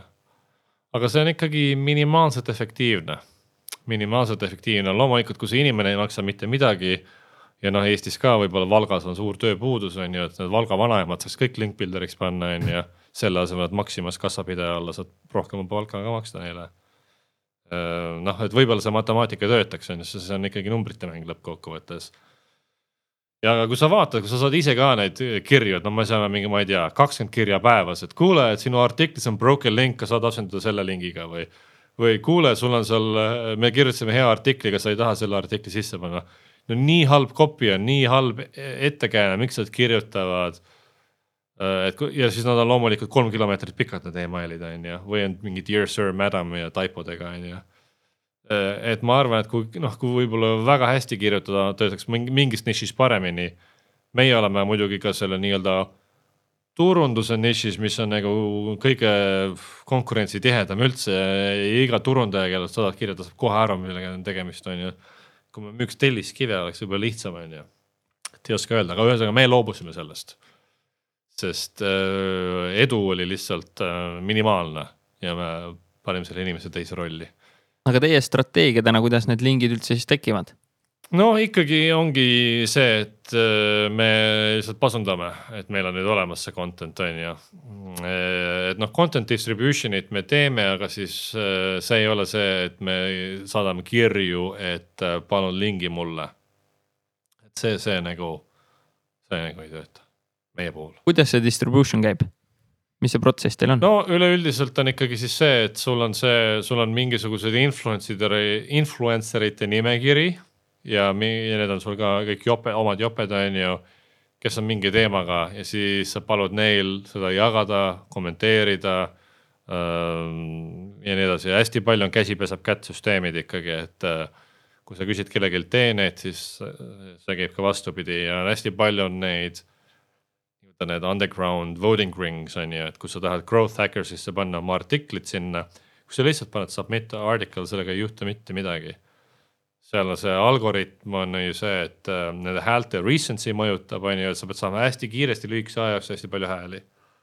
siis ongi, et sul on need salajased Facebooki grupid ja Slack grupid, kus sa viskad oma lingi ja siis sul tuleb kohe kolmkümmend matsi, kes panevad kohe upvote ja kommenteerivad, oh, see on nii äge. noh, ja siis sa saad selle naturaalse traction'i ka sama LinkedInis ja Twitteris on ju, et kui sa see ei ole nüüd mitte blogiartiklite jagamine, sest Twitter ja LinkedIn, nad tapavad su reach'i kohe ära, kui sa mingi lingi kuhugi paned, et sa. linkide kasutamine sotsmeedias on surm, et ei, mitte kunagi ei tohi teha. aga sa content'i saad ikka panna, on ju. Äh, ja siis on sama asi, et ajastus, kellaaeg peab olema õige Äh, noh, minu puhul töötab kõige paremini, kui on Ameerikas kuskil seal ütleme seitse hommikul kandis, Eestis on siis mingi kahe-kolme paiku päeval. Äh, et sel ajal visata ja siis sa pead esimese tunni aja jooksul saama hästi palju likee ja kommentaare, ise vastama kõikidele kommentaaridele, sest see ka loeb engagement'ina, siis LinkedIn'i algoritm hakkab sind ise, sinu reach'i kasvatama, näitama sind rohkematele inimestele kas selle lingi sinna kommentaaridesse võib panna või? no seda ikka jah, eriti kui sa tahadki, et inimesed kuhugi klikiksid, on ju äh.... Mm -hmm. Mis on sinu soovitused kõigile neile, kes nüüd mõtlevad, et hakkaks ka online koolitusi ja infotooteid eh, müüma laia maailma? no jube keeruline äri on, sest see on väga konkurentsitihe, sest äh, sisenemisbarjäär on olematu, iga loll saab seda teha ja nad teevadki. et see lollide armee, kes müüb neid, neid, neid skämme seal on nagu tohutult palju, on ju. ehk siis äh, võtmesõna on ikkagi eristuvus. Kuidas sina siis silma, silma seal paistad, on ju, ja, ja shortcut'i ei ole, et sa ei saa, et ma teen nagu ägeda landing page'i ja siis mul on eriti head BBC ninja skill'id ja siis kohe tuleb papp on ju, noh ei tööta, see on võimatu. kõik lihtsad asjad on juba ära tehtud, on ju, et kõik on raske töö on ainult järgi jäänud. ja suur osa, et see nii mingi asja ülespanemine on lihtne, on ju, barrier of entry on hästi madal. Aga raske töö sisenemisbarjäär on palju kõrgem, enamus ei ole nõus seda rasket tööd tegema ja mis ma võtan selle raske töö alla, on, et sa hakkadki sihipäraselt, korrapäraselt ehitama mingit auditooriumit inimestest, kes sind võiks kuulata. ja kuidas sa seda teed? kõigepealt võtad kaks aastat minimaalselt, on ju. ja siis sa vä oled väga selge see, et kes see inimene on, kellele ma kirjutan, mis probleem tal on, mida ma saan lahendada tema jaoks, on ju. loomulikult sa pead sellest probleemist ka noh, teadlik, teadma hästi võimalikult palju, et sa loed palju, kuulad, mida iganes ja siis teed jälle seda ABM, millest ma enne, enne rääkisin, on ju, et sa hakkadki ikkagi sotsmeedia kaudu. A kõigepealt head sisu tootma ja siis suhtlema nendega, kes, kes on need sinu sihtgrupp nagu, et. ja.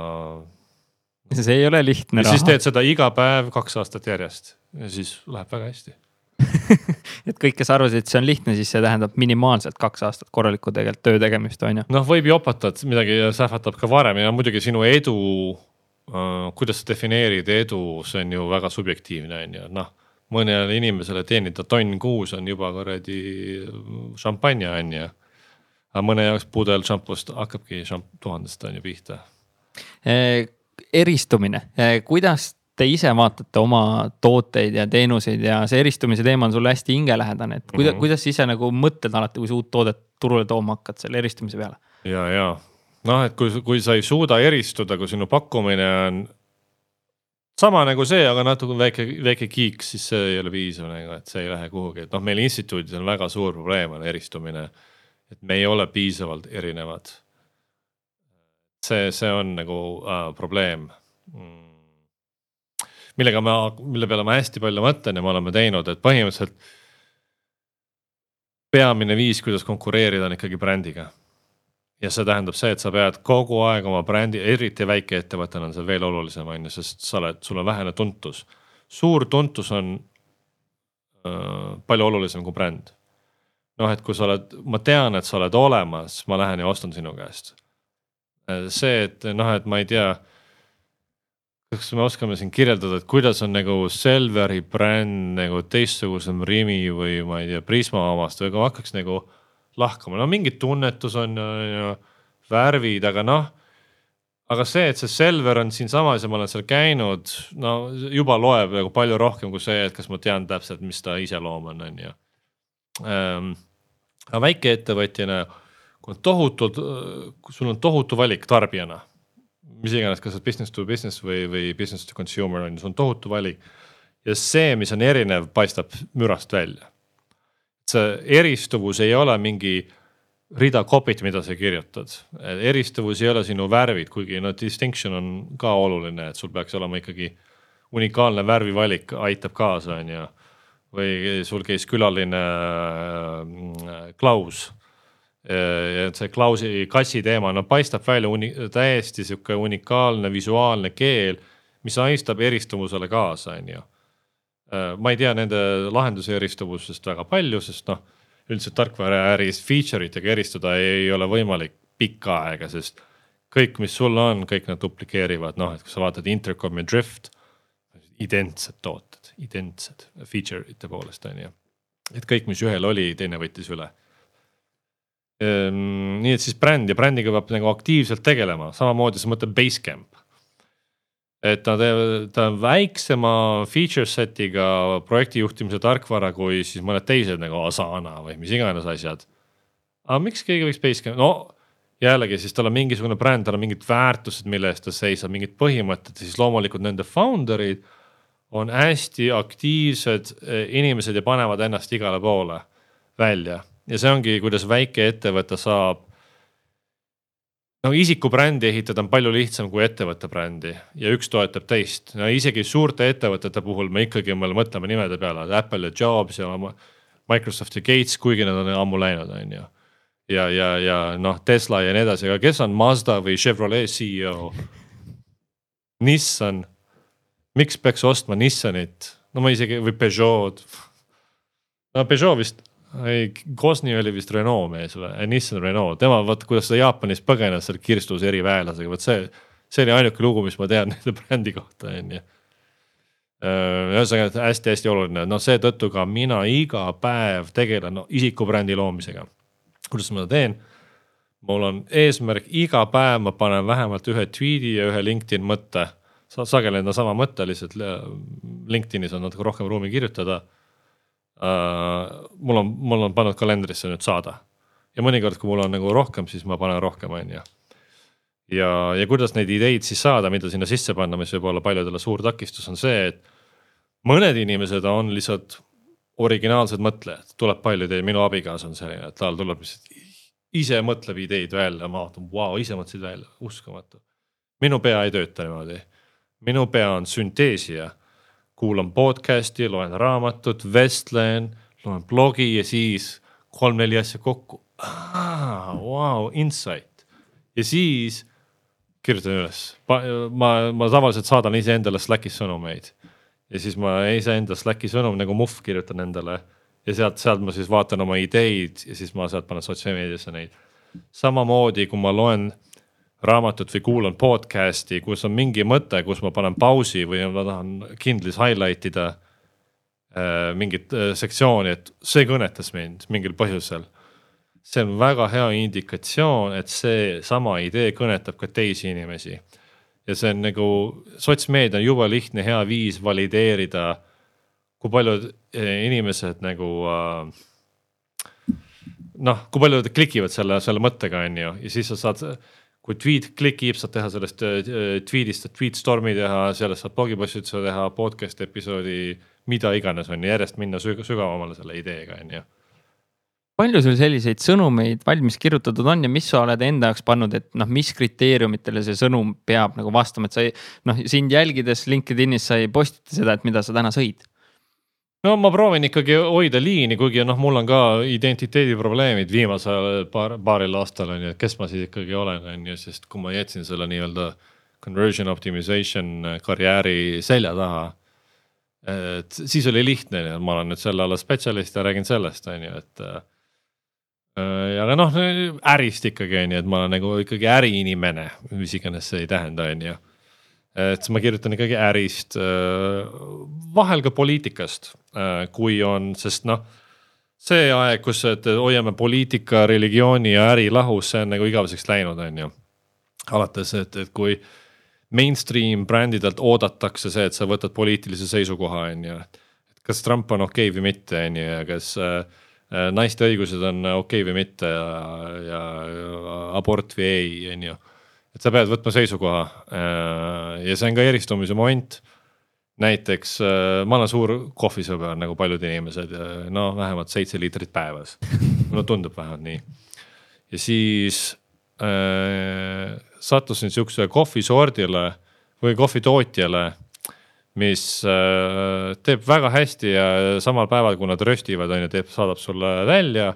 aga mis on juba standard Ameerikas nagu, et need micro roaster'id ongi, et sul röstib ära samal päeval, kui ahjust tuleb, haarab sulle pakiga, siis sa jood värsket.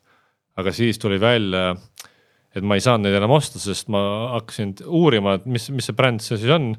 et siukse, iga kohvil on nimi mingi püssi järgi, no Black Rifle ja nii edasi ja. ja siis ongi, et need on nagu ex-military mehed, noh, tore, olgu. kes on siis tohutud Trumpi fanaatikud, on ju. ja siis ma hakkasin uurima, see on täiesti huvitav branding case study, et noh, ongi nagu ex-military pro-gun Trump fans. kui sa oled see inimene, sa jood seda kohvi, on ju äh,. ongi vist Black Rifle Company, võite uurida äh,. ehk siis nad eristuvad oma kohviga läbi väärtuste mingisuguste tõekspidamisi, siis on mingisugune klann inimesi, kellele see meeldib, on ju, ja samamoodi sa tõukad eemale teist osa, mis on hästi hädavajalik brändile, et sa sama väärt, sama palju, kui sa tõmbad ühte osa inimesi ligi, sa pead teisi eemale lükkama. Mis ei ole naturaalne teha, sest me oleme, meid on ju kasvatatud, ole kõikide vastu kena ja lahke ja, ja minu sihtturg on ikkagi kõik eestlased keda, keda sa oma isikubrändiga eemale tõukad või CXL-iga te eemale tõukate niimoodi? kellega te vastandute mm,? noh, meie antihero on Neil Patel, et kõik, mis tema on, meie ei ole ja siis, äh, kui sa loed meie copy't, siis meil on ka see, me räägime ikkagi, et tuleb, äh, see on ikka raske ja rets ra,, raju töö ja, ja nõuab palju pingutust ja et kui sa otsid seda noh, kohe, kohe ja lihtsalt, siis ära hakka proovimagi. ja siis see on, see on see, see kontseptsioon on nagu see hostile brand nagu, et äh, kas sa oled ikkagi good enough, on ju, ja siis äh, mingitele inimestele sihuke ambitsiooni sõnumid meeldivad oo oh jaa, ma tahan küll olla ja tõestada maailmale, milleks ma. et ma olen see üks protsent. just, just, ma tahan top üks protsent olla, aga on, on suur hulk inimesi, keda see tõukab eemale, et issand, see on nii, ma ei tea ülbe ja, ja, ja ennast täis ja, ja mis üks protsent, me oleme kõik, meil on siin egalitaarne ühiskond ja kõik oleme õed ja vennad ja laulame Kumbaya. ja, või siis ta tahab Neil Pateli asja, on ju et see on see, see on see, see on see brändi sõnum meile, et see äh, raske töö ekspertiisiga koos viib sind kuhugi, on ju enne kui sa selle konversiooni optimeerija mütsi päris ära viskad, ma tahaks küsida, mida teevad ettevõtjad või mida nad peavad tegema, kui mul ongi e-poes kolmkümmend kuni noh, ütleme sada kolmkümmend tellimust või ma saan kümme päringut, et kas ja mis ma siis üldse ära teha saan, sest mul ei ole piisavalt traffic ut, et AB testida või mm. -hmm. AB testi küll ei saa jooksutada, selleks on ikkagi vaja noh, minimaalselt viissada kuni seal seitsesada ostu kuus. Äh, aga noh, optimeerida saad ikkagi, kõige tähtsam optimeerimise juures on aru saada, mis on probleem, ehk siis miks inimesed ei osta rohkem. ja kui sa saad aru, miks nad ei osta rohkem, siis sa saad midagi ette võtta võib-olla see on sinu seal kopis kinni, võib-olla sinu veebilehe kasutatavus ei ole väga hea. Äh, noh, seal võib olla igasuguseid asju, selleks tuleb alustada alati uuringust, conversion research, nagu me seda kutsume. Äh, kes tahab rohkem uurida, guugeldage research Excel, terve suur blogipostitus selle kohta, kuidas seda kõike teha, aga noh, see ongi siis veebianalüütika kombineeritud kvalitatiivse poolega ehk siis uh, survey'd uh, kuidas eesti keeles ütelda, ankeedid. küsitlused jah. küsitlused, intervjuud äh,, mis iganes live chat on ju. ehk siis analüütika ütleb sulle, kus toimub, kui palju on ju. minu checkout funnel'is või noh, minu tootelehel äh, võib-olla ainult viis protsenti inimesi paneb äh, tootekorvi. noh kui sa siis benchmark'id, et äh, keskmiselt sihukestes tüüpides e-poodides, noh tavaliselt see on kuskil kümme protsenti järelikult su tooteleht, lehed on probleem, aga mis seal on, võib-olla on pildid halvad, võib-olla on pildid väiksed, võib-olla sul on copy't ei ole üldse. või noh, või see on see tüüpiline eestlaslik copy, et see, et laud kaks meetrit korda kolm meetrit sinine puust. osta kolm tonni on ju selle asemel, et kirjutada, kuidas ma ei tea, Erki Nool ise oma väikeste kätega tegi seda Põlva mändidest. Ehm, noh, või ja siis või, või kus on see ostukorvileht, keskmiselt jällegi viiskümmend protsenti läheb sealt edasi checkout'i. ja kui sul, sinul läheb vähem kui viiskümmend, siis sel lehel on probleem ja siis samamoodi, et sa saad Analyticsi kaudu aru, kus on probleem. ja ka, mis on probleem, sa saad läbi inimestega suheldes, et siis äh, noh, mingi conversion'i heuristika tundmine aitab ka, on ju, et noh, mingid, mis on nii-öelda parimad praktikad, on ju, ja kõik oleneb, kus sa nagu alustad, et äh, noh, oleneb aga see vist ei ole kõige parem praktika, et ma võtan mingi selle blogiposti, kus on üheksakümmend üheksa nõuannet, mida konversiooni optimeerimist teha, siis ma hakkan otsast peale neid nagu katsetama ja testima. noh noh, parimad praktikad on selles suhtes hea alguskoht, on ju, et kui sa ei tea mitte millestki mitte midagi, siis see on, kust võiks alustada.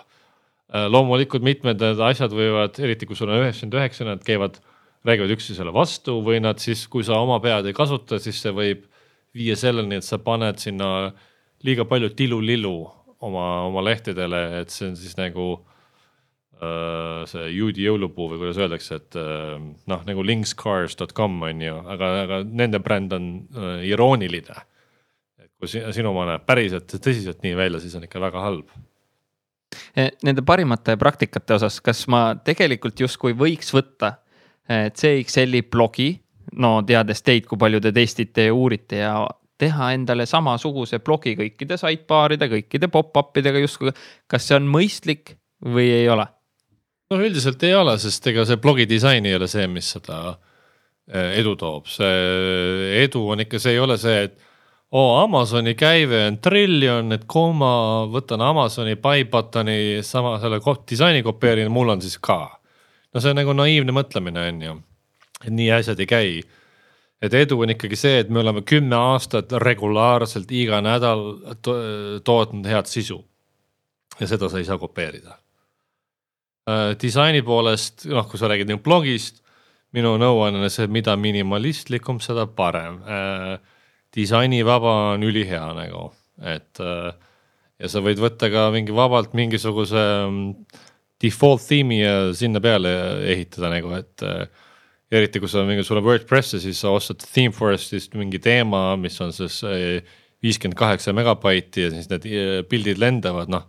see on, kuidas ennast ära tappa, on ju mm. -hmm ütle, millised on sellised internetiturunduse suurimad eh, müüdid, mida need ettevõtjad ja turundajad nagu ikka usuvad, aga sa näed, et noh, need pagan ei tööta ammu enam?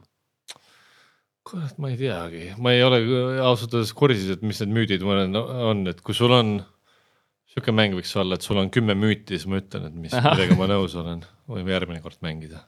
Slai-, need äh, bännerid panen e-poodi sinna üles äh, kerima uh,. nagu automaatselt vahetuvad või noh, see jah, see ei ole töötanud juba aastast kaks tuhat neliteist, et uh, kõik liikuvad asjad, on ju uh,. taustavideod on ju, noh, igal korralikul startup'il peab üks olema, on ju, ei ikkagi kõik liikuvad asjad äh, võtavad tähelepanu ära millestki, milleltki ja tõenäoliselt siis sinu tootelt, on ju. et äh, neid pigem vältida mm. -hmm. räägi seda, kuidas sa enda peast teadmised, sa oled nii palju lugenud, tiimile edasi annad ja mis on ülesanded, mida sa ei ole saanud või ei ole tahtnud ära delegeerida? ma olen suht sihuke mitte väga hea mänedžer nagu, et ma, ma nagu inimeste koolitamisega väga ise enam ei tegele nagu. ma paljuski eeldan, noh, loomulikult meil on see iga töötaja, kes alustab CXL instituudi library'le kohe ligipääs on ju, ja siis meil on kohustuslikud kursused, iga inimene peab võtma kaks kursust kuus, kohustus, kakskümmend neli aastas et sealtkaudu on ju, käib see õppimine, siis no ülejäänud on sihuke on the job training on ju, et äh, keegi ehitab midagi, siis ma vaatan peale ja siis ma noh, kas rõõmustan või näitan näpuga. et annad sellist otsekohest ja ausat tagasisidet? noh, sihukest eestlaslikku ikka nagu pudrunuiaga pähe ja mm. -hmm. millised on eh, mõõdikud, mida enamik ettevõtjaid ei mõõda ja ei jälgi oma turunduses, aga kindlasti peaks seda tegema mm -hmm.? noh vanadest aegadest äh, väga hästi meeles, äh, kuidas on see, et tegelikult nagu pooli asju, mida vaja mõõta, ei mõõdetagi, siis pole õrna aimugi. Äh, noh, traffic on see, mida nagu kõik mõõdavad, sest see on see, mida Google Analytics teeb nii-öelda kassist välja on ju kohe.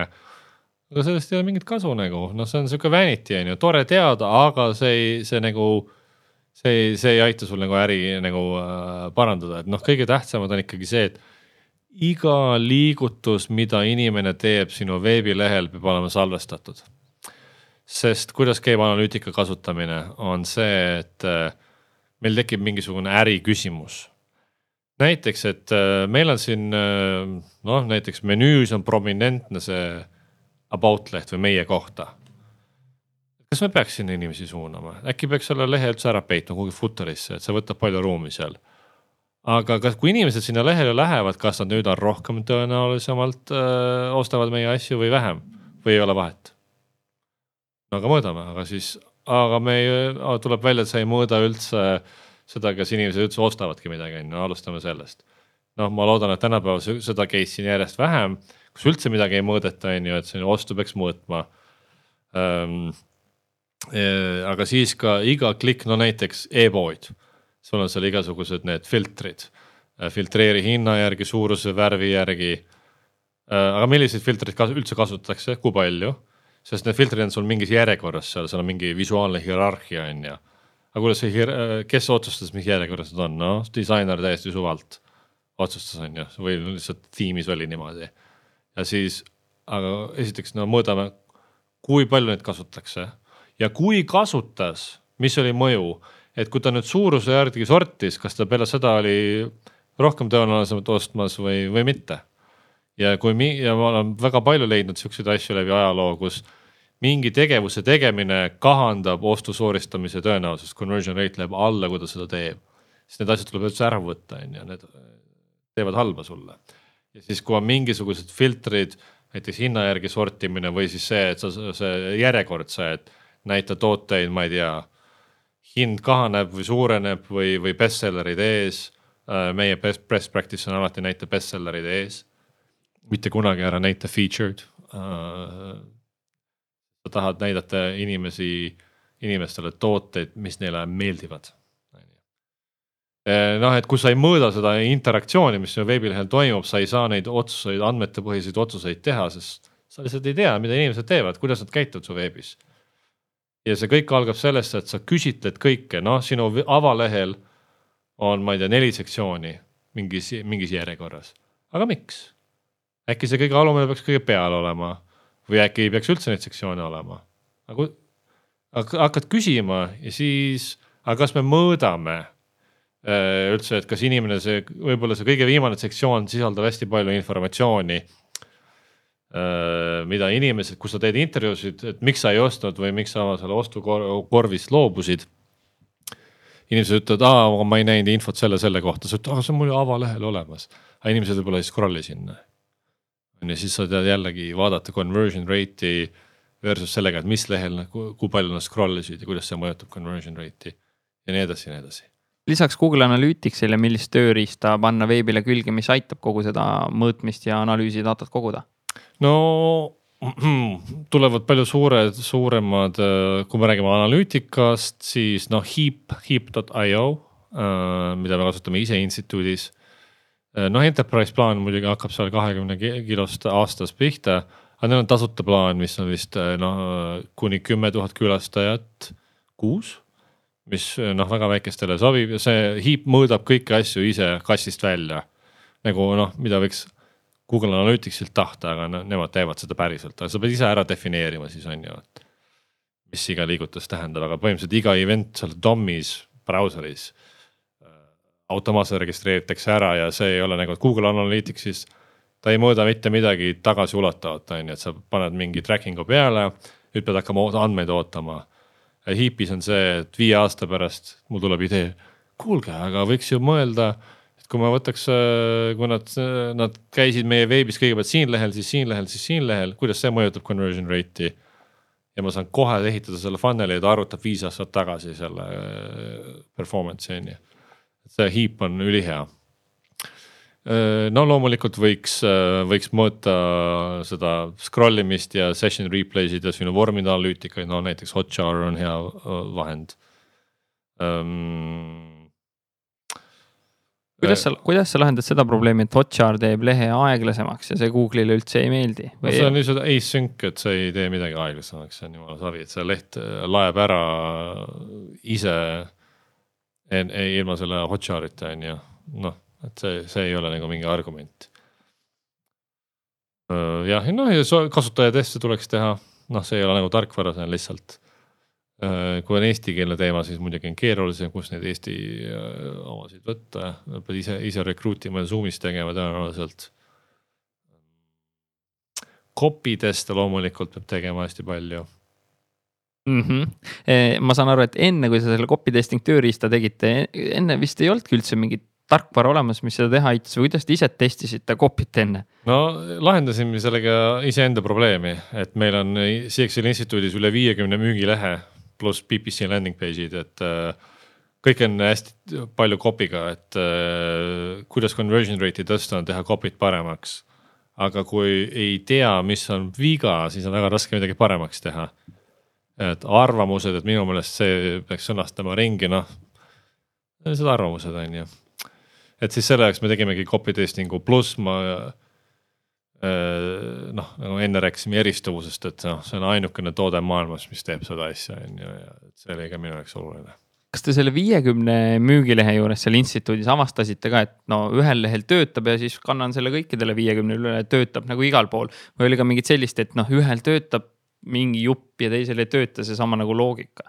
no seal on teatud põhimõtted. et noh, sõnad, spetsiifilised sõnad nagu mitte, sest äh, sisu on erinev, on ju. Aga kõige tähtsam on see, et äh, kaks, kaks, kaks võtmeküsimust iga copy juures on eh, number üks selgus, et kas ma saan aru, mis siin on kirjutatud, on ju. Ehm, ja teine on siis nii-öelda need uh, blind spot'id ehk siis. kui ma lugesin kõik läbi, mis küsimused mul ikka veel on, millest ma ikka veel aru ei saa. et see on jube halb, kui sul on sihuke situatsioon, et keegi on nagu suur huviline, ta loeb kõik läbi ja ta ikka ei tal on seitse küsimust, on ju. ta ei saa aru, kuidas see töötab, kui raske see on, milline see välja näeb, kas ma saan tagastada äh,. palju maksab või noh, mis iganes küsimused on ju.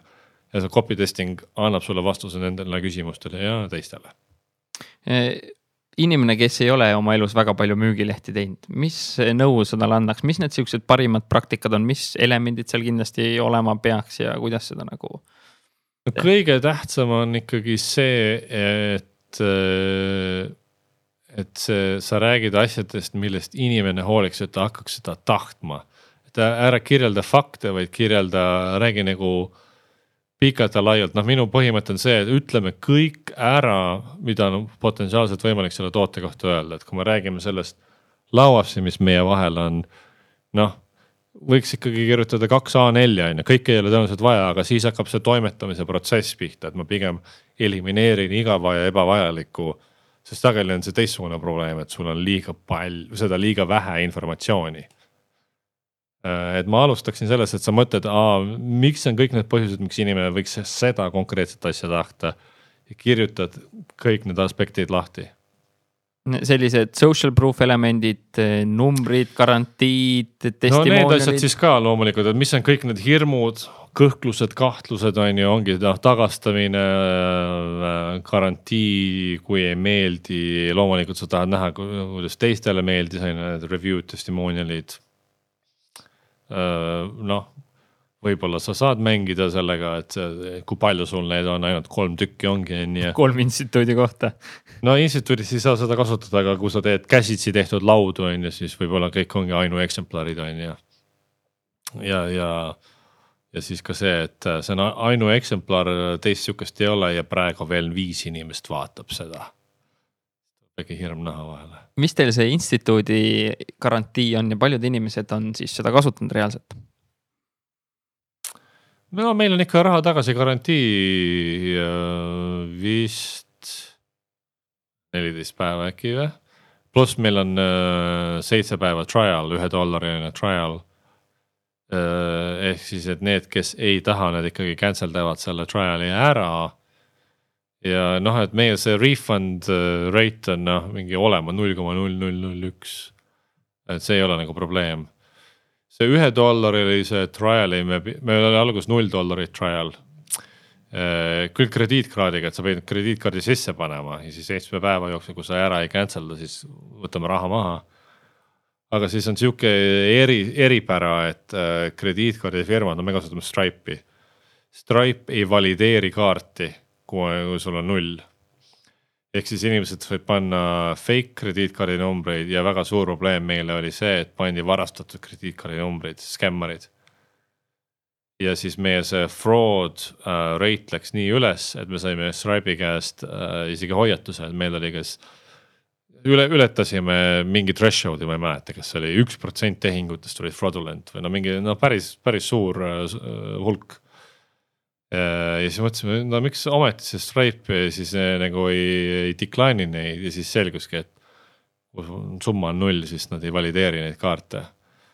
ja siis uh, minimaalselt oli vist vaja viiskümmend senti pead võtma. aga no viiskümmend senti trial kõlab lihtsalt imelikult, et siis panime üks dollar mm. -hmm meil on Facebooki grupp eh, Ekspordime, seal ma küsisin, et ma ütlesin, et ma hakkan Peebuga salvestama, et mida teie küsiksite Peebult ja mul on kaks küsimust. Sven Nuum küsis, et millest Peep esimesena alustaks, kui ta tahaks uue e-commerce ettevõttena Eestist inglisekeelsele turule siseneda mm? -hmm. no äh, ma eeldan, et ta ei räägi logistilistest raskustest, aga kui me räägime nüüd Ameerikast, millega ma olen kõige paremini kursis, siis loomulikult ameeriklased eeldavad, et on äh, free shipping ja see shipping on ühe maksimaalselt kahe päeva jooksul, sest Amazon on kõik ära hellitanud. ja siis äh, või siis sa pead ka Amazonis olemas olema, on ju, see on noh distribution. sest Ameerikas noh ma ostan peaaegu kõik asjad Amazonist nagu peaaegu kõik asjad, et siis ma kindlasti hoolitseks sellest, et ma oleksin Amazoni fulfillment center ites sees. siis Amazon ise saadab sulle kõik asjad, on ju, ühe, ühe päevaga. see oleks nagu logistiline pool. Ehm, ja siis, kui alustaks siis ütleme oma e-poodi on ju ka siis on ikkagi vaja väga mõelda selle brändi peale ja kuidas see bränd võiks olla võimalikult eristuv ja siis vana hea purple cow printsiip on ju, et noh. mis paneks kedagi mainima seda, et see on nagu, kui sa müüd nüüd, Sven Nuu tahab müüa oma neid pulbreid. noh, et kui ta läheb selle jutuga, et äh, head pulbrid saad terveks ja tugevaks, sellega ei jõua mitte kuhugi, on ju. sest seda on juba miljon tükki ees.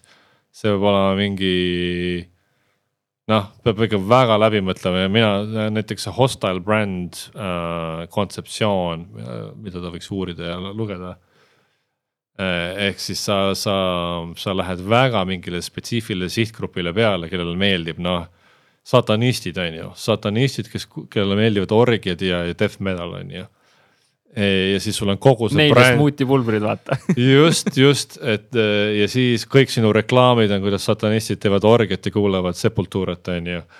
ma arvan, et inimesed hakkaks sellest rääkima, on ju, ja siis need, need nii-öelda need, need, kellele ei meeldi siuksed asjad need, need ei osta, on ju. et see noh, ultra nišistumine ja, ja alguses ma lähekski nagu super niši Äh, sest sa saad seda ühe, ühe niši sees ennast siis domineerida, kes nagu armastavad, sul tekib see nii-öelda one thousand true fans on ju.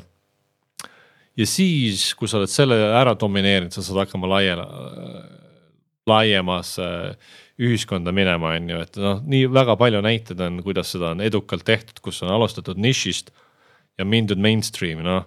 Red Bull alustas ju konkreetselt äh, nišist on ju ja oli ka päris hostile on ju see skandaalid, et see on sulle tervisele halb ja siis firma ju veel no, rõhutas ja, ja ei, ärge ikka jooge, et see see ei ole igaühele, et see ikka rikub tervist. Ähm, ja nii edasi, on ju, või kui me räägime ka isikubrändidest, noh kes oli Tim Ferris aastal kaks tuhat seitse, kui ta kirjutas selle Four Hour Work Week. ja kes ta on nüüd, on ju, nüüd ta on nagu kõik asjad, ta on täielik mainstream bränd, on ju. aga ta alustas mingist teatud nišist, on ju ja, ja no neid näiteid on, ju palju, on ju, et eh, ühesõnaga kindlalt see niši ja mingi raju, raju brändi eristumine eh, kohe algusest peale mm. -hmm ja Teedu küsimus oli see, et eh, kas eksportimisel on mõistlik kohandada siis tegevusi turu järgi, riigina peab siis silmas või lähtuda puhtalt oma kliendist, kelle probleemi see toode või teenus lahendab, et väga lihtne, et ühe turu valimisega võib hulluks minna.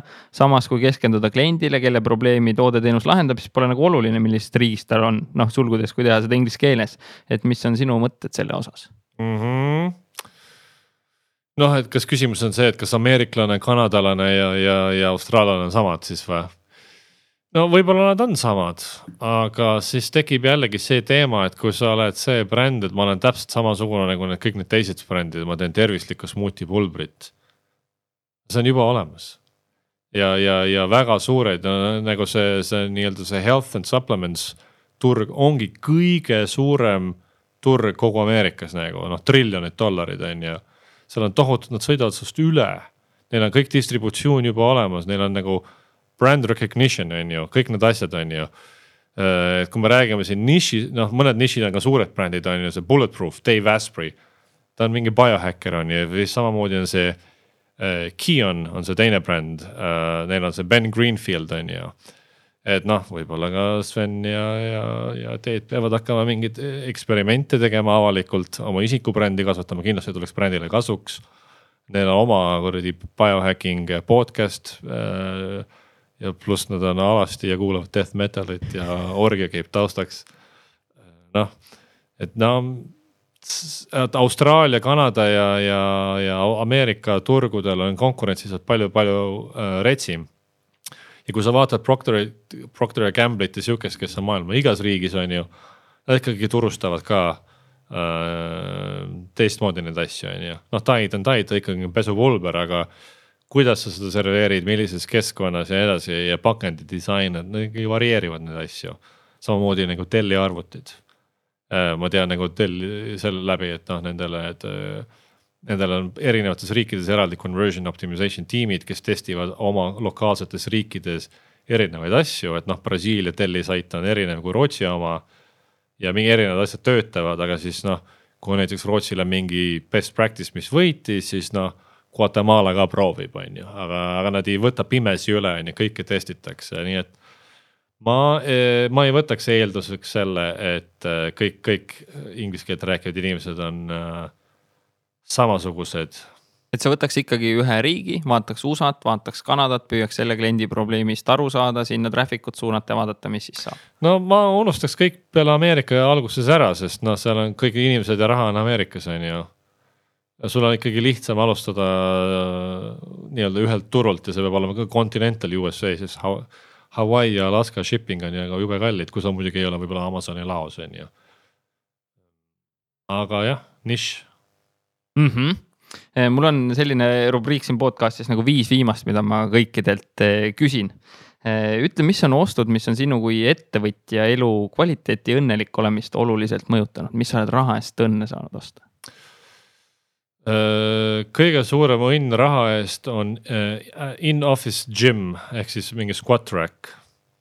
et ma olen nüüd, mul on kolm seti squat rack'e Äh, teeb mind väga õnnelikuks, üks äh, pull-up'id ja, ja squat'id ja bench nagu on iga, igapäevase töö osa, mis pakub mulle rõõmu. teine asi, mida võiks võib-olla nimetada, on Sonose speaker. Äh, Sonose kaudu muusikat kuulata, see on siis nagu Wi-Fi speaker nagu, mida sa oma Spotify's kontrollid või ükskõik mis device'i pealt on ju um, noh, need kaks asja näiteks. Sandra Raju kirjutas mulle Facebooki chati ka, kui ma ütlesin, et ma hakkan kohe Peebuga tegema intervjuud, siis ta ütles, küsis, et ütle, millal sa said aru, et see füüsiline, vaimne tervis käivad käsikäes ja kuidas see inimesteni nagu kiiremini viia, et nad sellest aru saaks, sest mingi hetk sa ei mm -hmm. olnud ka mhm. ise nii vormis, kui sa täna siin vastaslauas istud mm -hmm. niimoodi. no mul tuli ikkagi kaks, kaks asja, üks oli see, et ma olin vana ja paks ja siis, kui sa oled kahekümnendates, siis su keha talub ikka hirmus palju asju noh, ja siis, aga siis, kui hakkad nagu vanemaks saama, siis enam nii palju ei talu. ja su organism aeglustub ja, ja sa ei saa enam sama palju süüa igast asju ja siis, kui sa natukene hoolid oma väljanägemisest näiteks ja. ja, ja, ja, ja saad aru, ähm, no minul läks vanus tõi palju asju kohale, et ja pikaealises, noh ja siis oli dramaatiline sündmus, et kaks tuhat kuusteist kaotasin ema vähile ja õppides vähki tundma, siis äh, avastasin, et on kaheksakümmend üheksa protsenti tõenäosus, et äh, me kõik sureme nelja asja. vähk äh,, äh, südamerabandus või mingi südame, südamehaigused, ütleme, ajurabandus ja siis mingi neurodegeneratiivne haigus nagu Alžeimer's.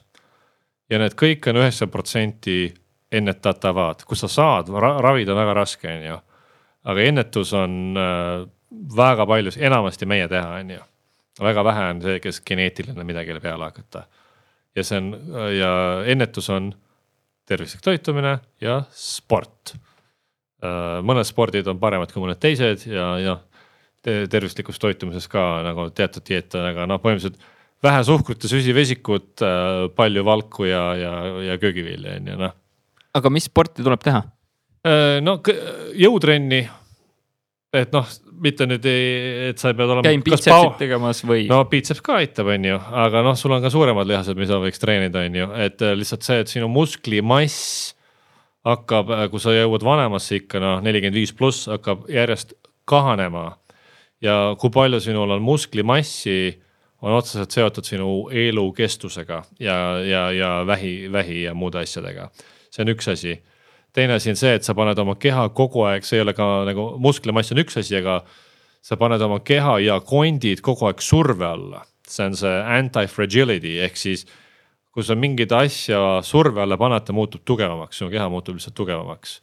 ja hästi palju study sid selle, kuidas, kuidas siis äh, erinev äh,, kuidas jõutrenn siis põhimõtteliselt aitab äh, hävitada vähirakke ja nii edasi, noh ennet-, ennetusfaasis on ju.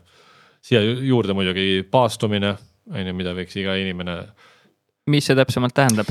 no äh, doktor Walter Longo, keda huvitab, tema on see pikaealisuse uurija ja siis äh, noh, see on nüüd omaette tund aega episood teeme lühi-. faas kaks, aga põhimõtteliselt see, et sa teed, sa teed äh, vähemalt kord aastas, aga ütleme keskmise tervisega inimene võiks teha kaks korda aastas. kus sa viis päeva tarbid äh, kuni seitsesada kalorit ainult ja selle nimi on siis fasting mimicking diet ehk siis sa ei ole nagu vee peal et noh, vee peal võib ka teha viis päeva ainult vett, aga enamus inimesi ei suuda seda, see on liiga raske.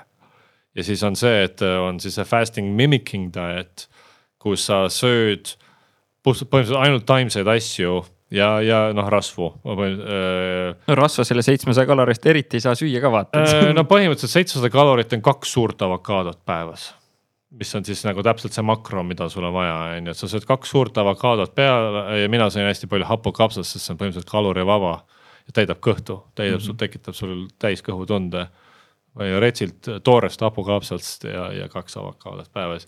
ja mis juhtub, on see, et kõik sinu need rakud, rakud asenduvad uute rakkudega, sa genereerid uued need äh, stem cells, ma ei tea, tüvirakud, täiesti uued tüvirakud. Kõik siin on katkine DNA, katkised rakud, mis muteeruvadki vähiks, sinu keha hülgab nad mis juhtub ka selle protsessi käigus, on see, et sinu organid tõmbuvad kokku, sa kaotad ka lihasmassi. ja siis hästi tähtis on see, et selle viie päeva järel sul on siis refeeding periood, kus sa siis paned liha ja kõiki asju, noh tervislikku toitu sisse. kasvab tagasi. Äh, et äh, iga päev käid kaalu peal, vaatad, siis on kuskil neljandal päeval on see, et ma vist ka, ma ei mäleta, kas kaheksa või üheksa kilo oli läinud nagu see on just see, et sinu organid nagu tõmbuvad kokku. ja see on põhimõtteliselt nagu vähiennetus on see eesmärk, mitte kaalu kaotamine. aga igapäevaselt intermittent fasting on sul teema, ei ole? kuule muidu oli, aga nüüd see eile tuli siis esimene kliiniline study välja, mis ütles, et tegelikult ei olnud mind sittagi kasu. Nad AB testisid selle kontrollgrupiga, kes sõi kuidas tahtis ja et selle intermittent või õigemini siis time restricted feeding on ju kuusteist, kaheksa, see peamine kaalu langetamise eelis oli siis see, et lihtsalt inimesed panevad vähem kaloreid sisse, on ju, et noh, see on siis lihtsalt. kuidas sa reguleerid ennast, mitte et see siis maagiliselt äh, aitab sind, äh, nii et äh, ma nüüd mõtlen ringi. mis sa, kui sul, kui sa ei ole seitsmesaja kalori peal, mis su selline tavaline päeva, mida sa sööd? ma olen üheksakümmend protsenti liha, kala, kümme protsenti köögiviljad. Noh, ma mitte, et ma nüüd äh, klaas veini päevas. mitte, et siis ma olen nüüd see puritaan, et kontoris on sünnipäev, koogiviil, et ma nüüd ütlen ei äh,. kui oleks iga päev, siis ütleks, aga noh, eile oli, sõin tüki kooki on ju, noh, selles suhtes, et ma luban endale midagi, aga kui ma nagu kaheksakümmend protsenti ajast toitun tervislikult, siis ma võin kakskümmend protsenti eksida ka ja mõnikord on see nädalavahetus on nagu anything goes mm. -hmm millised eh, otsused või sellised mõttelaadi muudatused on sinu kui ettevõtja elukvaliteeti kõige rohkem mõjutanud ja edasi aidanud? kõik on minu süü. kui kõik on minu süü, siis äh, mina olen ka see, kes on kõike paremaks teha. ei süüdista teisi, ei ole kellegi teise süü, teine ei ole loll või nagu ta on loll, siis ta on tänu minu süüle loll, ma ei ole piisavalt õpetanud, kasvatanud, näitanud, juhendanud äh,. see on siis see äh,, see on see extreme ownership või siis proaktiivsus, no mina õppisin selle kõigepealt Stephen Covey sellest äh, seitse, efektiivse inimese seitse harjumust on ju, üks harjumustest on see. ja noh, täielikult selle adopteerinud ja see on nagu. see on nagu noh, ütleme edu võti, proaktiivsus on ju. oh, ma ei ole nende kümne inimesega sõber, kellega tahaks sõber olla. oota, aga kas ma olen neile kirjutanud, neile teinud, neile andnud väärtust, toonud, proovinud? ei ole. Mida ma kurdan siin, tegudele. väga õige. sa loed meeletult eh, palju raamatuid, kolm raamatut, mida iga ettevõtja peaks lugema, ma tean, et see on üldine küsimus, aga esimesed, mis mm -hmm. sul nagu pähe tulevad? ettevõtjale kõige tähtsam raamat kogu maailmas on uh, The Road Less Stupid uh,. käisin eelmine aasta ka tema workshop'il uh, kahepäevasel uh,, ülihea ja siis, kui sa oled turundaja, no siis võiks ikka selle Purple Cow läbi rääki-, läbi rääki-, läbi lugeda. sest fundamentaalselt see on see turundus. noh, sama ideed on ju sajas muus raamatus ka, aga noh, ütleme, see on see klassika. klassikas ja ma arvan, täna veel relevantsem kui varem, sest konkurents on nagu suurem kui kunagi varem, sest ettevõtluse alustamise barjäär on madalam kui kunagi varem, on ju, ei ole mingit raha vaja enam, kõik on nagu nii lihtne. miks Road Less Stupid ja mis sa said sealt kahepäevaselt workshop'ilt, mida sa sealt raamatust ei saanud? see kahepäevane work, tal on erinevad workshop'id, mis on nagu erineva fookusega, et minu jaoks see kõige, me tegime annual planning ut, et kuidas sa teed oma ettevõtte aasta planeerimist see protsess, me oleme iga aasta itereerinud sellega, seadnud see niipidi-naapidi ja noh, tavaliselt on see, et see plaan, mis sünnib, on täielikult mõttetus, aga see planeerimisprotsess oli hädavajalik. see on, mis tavaliselt juhtub, on ju. aga siis kuidas siis teha seda planeerimist nii ka, kuidas nagu, et päriselt oleks kasulik, see on, see on minu kolmas episood, kui ma sulle tulen tagasi mm. -hmm, väga hea, siis räägime strateegiast ja sellest planeerimisest mm. -hmm. millised on tööriistad ja äpid, eh, mida sa kasutad ja ilma milleta sa elu enam täna ette ei kujutaks? ausalt öeldes ei ole mingeid ninja äppe ma olen puhas, puhas sihuke uh,, mul ei ole kahekümne seitsme tollist monitori, ma kasutan oma kolmeteist tollist läpakat, vihkan lisamonitore, sest see on distraction uh,. elan G Suite'i sees uh,, teen sellega kõiki asju. nii et uh, ei midagi eri, eripärast mm. -hmm. ja mõned life hack'id, osa me juba rääkisime trennist ja toitumisest Un, uni. oo oh jaa, noh kaheksa tundi päevas nagu alati, äh, mõni päev ei saa lihtsalt tänu sellele, et äh, lapsed. aga, aga noh, jah.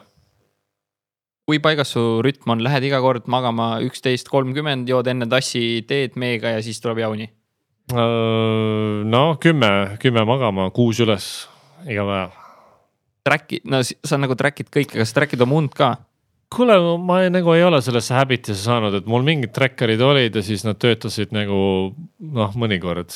Ja noh, nüüd ma paar aastat ei ole kasutanud, noh nagu paremad device'id on olnud saadavale, aga noh, see on ka see, et ma ei ole kindel, et mi, mida ma sellest datast saaksin, mida ma veel nagu noh, mul ei ole distsipliiniga probleeme et kui ma nüüd saan teada, et mul distsipliin, no distsipliin on korras, aga öösel kell kolm ma ei maganud hästi, et no mis ma siis teen, ma ei, noh, mis ma sellega peale hakkan just, numbrid on, aga midagi järeldada ei ole, on ju. kuidas sa oma fookust hoiad, välja arvatud see, et sul ei ole seda lisamonitori mm.?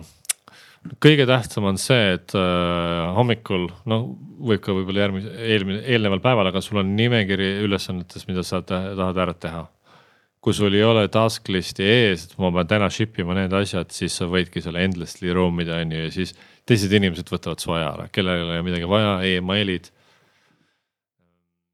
et siis sellest algab, et sul endal on prioriteedid on paigas, mida ma pean saavutama. mina tavaliselt mõtlen prioriteetide üle kangi tõstes, ühendad meeldiva kasulikuga.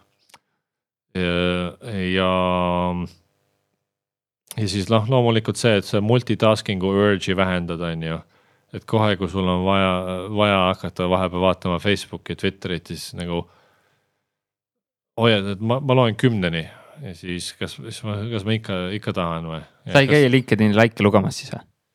no ma käin periooditi, see on jällegi see, et ma hea meelega ei käiks üldse, on ju, aga see on nagu, no like'e lugemas mitte, ma käin see, et kui keegi kommenteerib, et ma vastan. et see aitab nagu selle reach'ile kaasa um, noh, jah kui sul see list ees on, kas sa oled selline mees, et sa lihtsalt hakkad otsast tegema, teed päeva lõpuks kaheksa tundi, et stopper põhimõtteliselt kogu aeg käib või on vahel see ka, et noh, nagu ei viitsi või on raske või ei taha, et. no mõnikord on ikka sihuke tegevus, kus, mis sa pead tegema, aga no üldse ei taha teha no,, minu jaoks on siuksed mingi raamatupidamislikud toimingud nagu. siis on see uh, productive procrastination, et kuule, mul on ilgelt hea, tähtis, et ma pean need asjad ära tegema, need asjad ära tegema ja siis. teed mingeid plaaniväliseid asju uh,, mis on ka kasulik nagu. aga üldiselt ma proovin ikkagi ära delegeerida kõik asjad, mis ei meeldi, aga kui sa oled lõppkokkuvõttes ettevõtja, siis noh, mingid asjad sa ei saa ära delegeerida. Ja noh, kuulates, kui palju asju sa teed, siis eh, Jaan Kruusmaa ütles ka, et kuule, küsi see peeglalt ära ja see oli mul endal ka, et selline viimane küsimus sulle, et eh, mis sind motiveerib tegutsema iga päev, et noh, miks sa siis tegelikult hullu paned niimoodi? süües kasvab isu nagu, et äh, tahan võita kapitalismi. et kui me oleme siin planeedil Maa, elame seda ühte elu Äh, ja, ja võib-olla me oleme üldsegi hinged, kes kogevad, mismoodi on olla inimene. et missugust kogemust ma siin planeedil tahan, okei okay,, ja siis kui, kui ma otsustasin mängida, et ma mängin seda kapitalismi ja ettevõtluse mängu. siis, aga võiks ju proovida võita äh,. mitte selles stiilis, et äh, surres, kellel on surres kõige rohkem asju, vaid et äh, ma panen endale mingisuguse, mingi saavutuse, mingi eesmärgi ja et kui ma selle ära teen, siis no, ma võin ka seda mängu mängida, et noh, need teised inimesed, kes on saavutanud rohkem, et nad ei ole minust paremad, et see on nagu mingisugune selline mäng äh,. mingi saavutusvajadus, iseendale tõestamine.